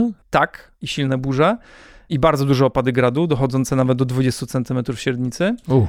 I Australia. Australia, mówię o południowo-wschodniej części Australii, czyli wszelkie szerokości umiarkowane, gdzie mamy do czynienia z przepływem prądu strumieniowego, no to tam będą występowały tornada. I teraz to, co się dzieje w wyniku zmian klimatu, to właśnie burze będą występowały coraz częściej, ale one mogą coraz częściej mieć taki charakter, to powiedzmy w cudzysłowie tropikalny. Czyli będzie częściej, ale słabiej.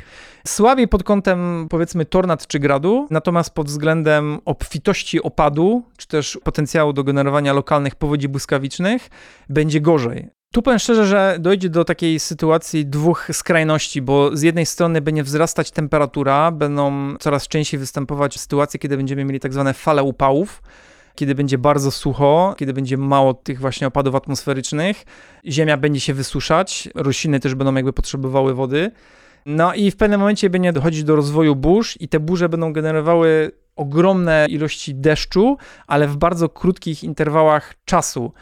I ta ziemia, która będzie tak przesuszona, wtedy ma inne właściwości On nie przyjmie tego wszystkiego. absorpcji takiej ogromnej ilości wody, szczególnie jeżeli no, mamy proces stepowienia. No to ta woda gdzieś tam zamiast być przyjęta, zmagazynowana przez rośliny, no to ona będzie spływać.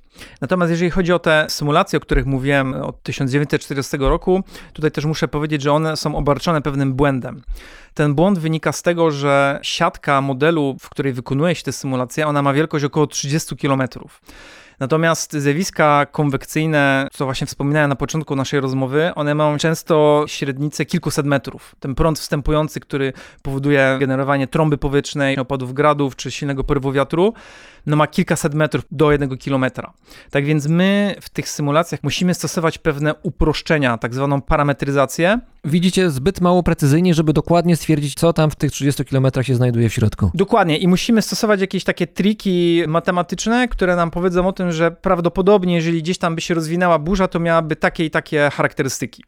I teraz sposobem, żeby rozwiązać tą niepewność, jest przeprowadzenie symulacji o bardzo wysokiej rozdzielczości. Tutaj mowa o symulacji, gdzie siatka tego modelu ma wielkość jednego kilometra. Natomiast wyniki takich symulacji dla okresu 80 lat w skali kontynentu europejskiego, czy nawet globalnej, to byłyby tysiące, o ile nie setki tysięcy terabajtów danych. Wymagałoby to ogromnych mocy obliczeniowych, o których na przykład, nie wiem, 10 lat temu to było w ogóle niemożliwe, żeby mówić o czymś takim, żeby, żeby przeprowadzić taką symulację. Natomiast wraz z rozwojem technologii, wraz ze wzrostem mocy obliczeniowych komputerów, staje się to coraz bardziej możliwe. Ja tutaj jestem przekonany, że w okresie powiedzmy kolejnych pięciu lat będzie możliwe dokonanie takiej symulacji dla okresu 80 lat i powinniśmy uzyskać bardziej szczegółowe estymacje tego, jaki jest związek zmian klimatu i zjawisk burzowych. I tutaj jeszcze chciałem dodać, że tego typu modele, o których tutaj mówię, je się powszechnie stosuje w operacyjnym prognozowaniu pogody. Operacyjnym, to znaczy Operacyjny takim to- codziennym? Tak, tak jak na co dzień synoptycy na przykład robią prognozę, czy jutro albo za dwa dni będą burze w Polsce. Obecnie synoptycy pracujący w instytutach meteorologicznych, oni mają dostęp do takich modeli o wysokiej rozdzielczości. Natomiast te modele wykonują prognozy często na kilka dni, więc one nie są tak wymagające obliczeniowo. Tam nie ma tak dużo danych. Tak, to nie ma tak dużo danych, natomiast jeżeli mi- mielibyśmy pod kątem klimatologicznym wykonać taką symulację dla okresu 80 lat, no to to jest już w ogóle inna, inna historia. Więc rozumiem, że cały czas y, sprawdzasz, jak tam rozwój nowych chipów, nowych pamięci, procesorów, bo to wszystko ma realny wpływ na twoją pracę. Tak, i wydaje mi się, że to jest kierunek, który na pewno my tutaj w Polsce obierzemy w ciągu kolejnych lat i będziemy te symulacje o wysokiej rozdzielczości planowali przeprowadzić. I wtedy dowiemy się jeszcze czegoś więcej w stosunku do zjawisk konwekcyjnych i y, zmian klimatu. A czy w Europie jest w ogóle jakiś system ostrzegania przed tornadami, podobny do tego w Stanach Zjednoczonych? Problem Europy polega na tym, że oczywiście mamy taki twór jak Unia Europejska, która jest taką instytucją, która zrzesza państwa w Unii. Natomiast no niestety jest tak, że każdy z naszych krajów ma inny język, ma inną technologię danych system. radarowych, inny system, inny sposób funkcjonowania służby meteorologicznej i bardzo ciężko, pomimo usilnych starań tutaj wielu osób, to wszystko zebrać do kupy, tak żeby stworzyć jeden homogeniczny system ostrzegania przed zjawiskami burzowymi. Funkcjonuje coś takiego jak European Storm Forecast Experiment, ESTOFEX. Wiele osób myśli, że jest to jakieś powiedzmy europejskie oficjalne centrum prognozowania burz, natomiast jest to inicjatywa entuzjastów, którzy już od 2002 roku, czyli przez ponad 20 lat, wykonują prognozy konwekcyjne na bazie tego, co się robi w Stanach Zjednoczonych, ale robią te prognozy konwekcyjne dla, dla Europy. Natomiast nie są to produkty oficjalne, są to jakieś powiedzmy produkty, które są generowane dla Europy jako kontynentu, natomiast każdy kraj ma osobną dywizję, która zajmuje się takimi prognozami. Jeżeli chodzi o Polskę, jest to oczywiście Instytut Meteorologii i Gospodarki Wodnej. Jest tam specjalna dywizja tak zwanych burzynek, która... Burzynek? Burzynek, tak to, tak to tutaj kolokwialnie trochę nazywamy. Są pogodynki i burzynki. No burzynki jakby są to osoby, które się specjalizują właśnie w prognozowaniu burz, natomiast tam w IMGW chyba były zmiany dotyczące systemu prognozowania zjawisk burzowych, więc to wszystko jakby ewoluuje w czasie. No każdy kraj ma gdzieś tam jakąś swoją dywizję osób, która zajmuje się takimi prognozami konwekcyjnymi, dlatego że ja bym tutaj powiedział, że synoptyk, który zajmuje się prognozowaniem takiej ogólnej pogody na co dzień, nie zawsze może być ekspertem od zjawisk konwekcyjnych, a jest to gdzieś tam powiedzmy taka osobna działka, która wymaga no, odpowiedniej wiedzy i odpowiedniego doświadczenia, w jaki sposób prognozować Czy pogoda zjawiska. pogodą, ale zjawiska konwekcyjne, burze, tornada to jest inna To działka. jest coś innego, to jest coś, co przede wszystkim bardzo szybko ewoluuje w czasie, ponieważ obecne produkty, które używamy do prognozowania zjawisk burzowych, one są zupełnie inne niż te, które się używało 10-15 lat temu. I jeżeli ktoś nie jest na czasie z tą technologią, która jest rozwijana, z tymi nowinkami, no to on gdzieś powiedzmy nie robi też tego progresu i nie nadąża za tymi powiedzmy nowymi metodami prognozowania tych zjawisk. Dlatego najczęściej młode osoby, które są entuzjastami zjawisk konwekcyjnych, one tam bardzo szybko chłoną tą wiedzę, bardzo szybko uczą się tych nowych metod. No i w Polsce też mamy Stowarzyszenie Polskich Łowców Burz. Jest to stowarzyszenie, które powstało w 2008 roku, które zrzeszało entuzjastów zjawisk konwekcyjnych. I oni też zajmują się ostrzeżeniem i prognozowaniem przed zjawiskami burzowymi, też wydają swoje prognozy. Na początku to było chyba w formie takiej rywalizacji z Instytutem Meteorologii i Gospodarki Wodnej, bo też tam był taki okres, to chyba mogę to powiedzieć właśnie w latach tam 2008-2012, gdzie IMGW jeszcze nie adoptowało się tak szybko do tych nowych metod prognozowania zjawisk konwekcyjnych, a ci młodzi ludzie z łowców burz, oni już je używali, no i przez to y, byli w stanie tworzyć bardziej skuteczne prognozy wtedy, w tamtych latach. Natomiast teraz ta sytuacja też się troszeczkę zmieniła, no w IMGW Czyli tym naszym instytucie znajdują się wysokiej klasy eksperci, którzy zajmują się takim prognozowaniem i obecnie bardziej relacje pomiędzy łowcami burz a Instytutem Meteorologii polega na obopólnej współpracy. W lipcu przyszłego roku Twister 2 ma się pojawić w kinach. Kontynuacja tego filmu, od którego zaczęliśmy. Pójdziesz zobaczyć, żeby się pośmiać, jak tam holudzy scenarzyści wymyślili? Oczywiście, że pójdę, tym bardziej, że moi znajomi, którzy właśnie mieszkają w Oklahomie, ludzie, z którymi pracowałem, będąc w Stanach Zjednoczonych, przekazali mi informację, że z nimi są prowadzone konsultacje merytoryczne dotyczące A, tego, czyli nie co będzie pokazane. fikcja. Tak, no bo reżyser tego filmu, jemu zależy na tym, żeby nie pokazać takiej totalnej fikcji, tylko tego, co gdzieś tam zgodne z prawami fizyki, czy z tym w ogóle, jak te zjawiska występują, więc tam są prowadzone intensywne konsultacje z ludźmi, którzy jakby są ekspertami w tej dziedzinie, więc na pewno się wybiorę do kina, ponieważ będzie to film bliski mojemu sercu, aczkolwiek na pewno będzie to jakaś fikcja literacka, więc też z pewnym dystansem do tego trzeba podejść. Bardzo dziękuję. Razem z nami był dr Mateusz Taszarek, klimatolog, ekspert badający zjawiska konwekcyjne na Uniwersytecie Adama Mickiewicza. Bardzo dziękuję.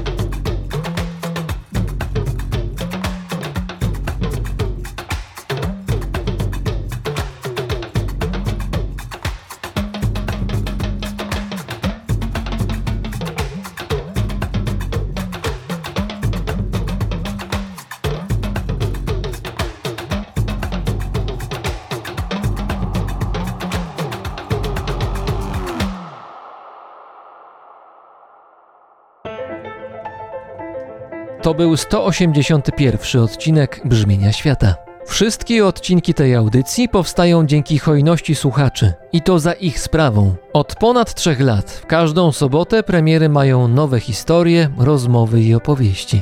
Do grona tych słuchaczy można dołączyć. Wystarczy odwiedzić stronę patronite.pl i tam odszukać brzmienie świata. Dziękuję wszystkim, którzy uczestniczą w zbiórce. Dziękuję również patronowi światoczułemu firmie Ergo Ubezpieczenia Podróży. Paweł Drost, czyli ja, mówi Wam dobrego dnia.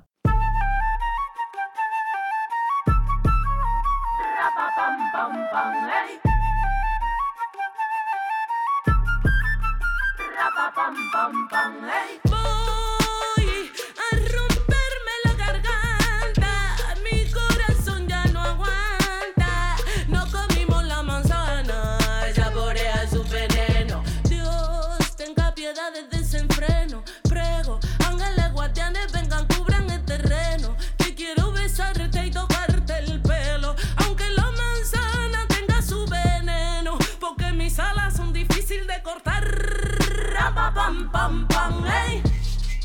Esta boca es difícil de callar. Yo, la tierra tiembla, carece, lloran mis ojos, padecen, esto no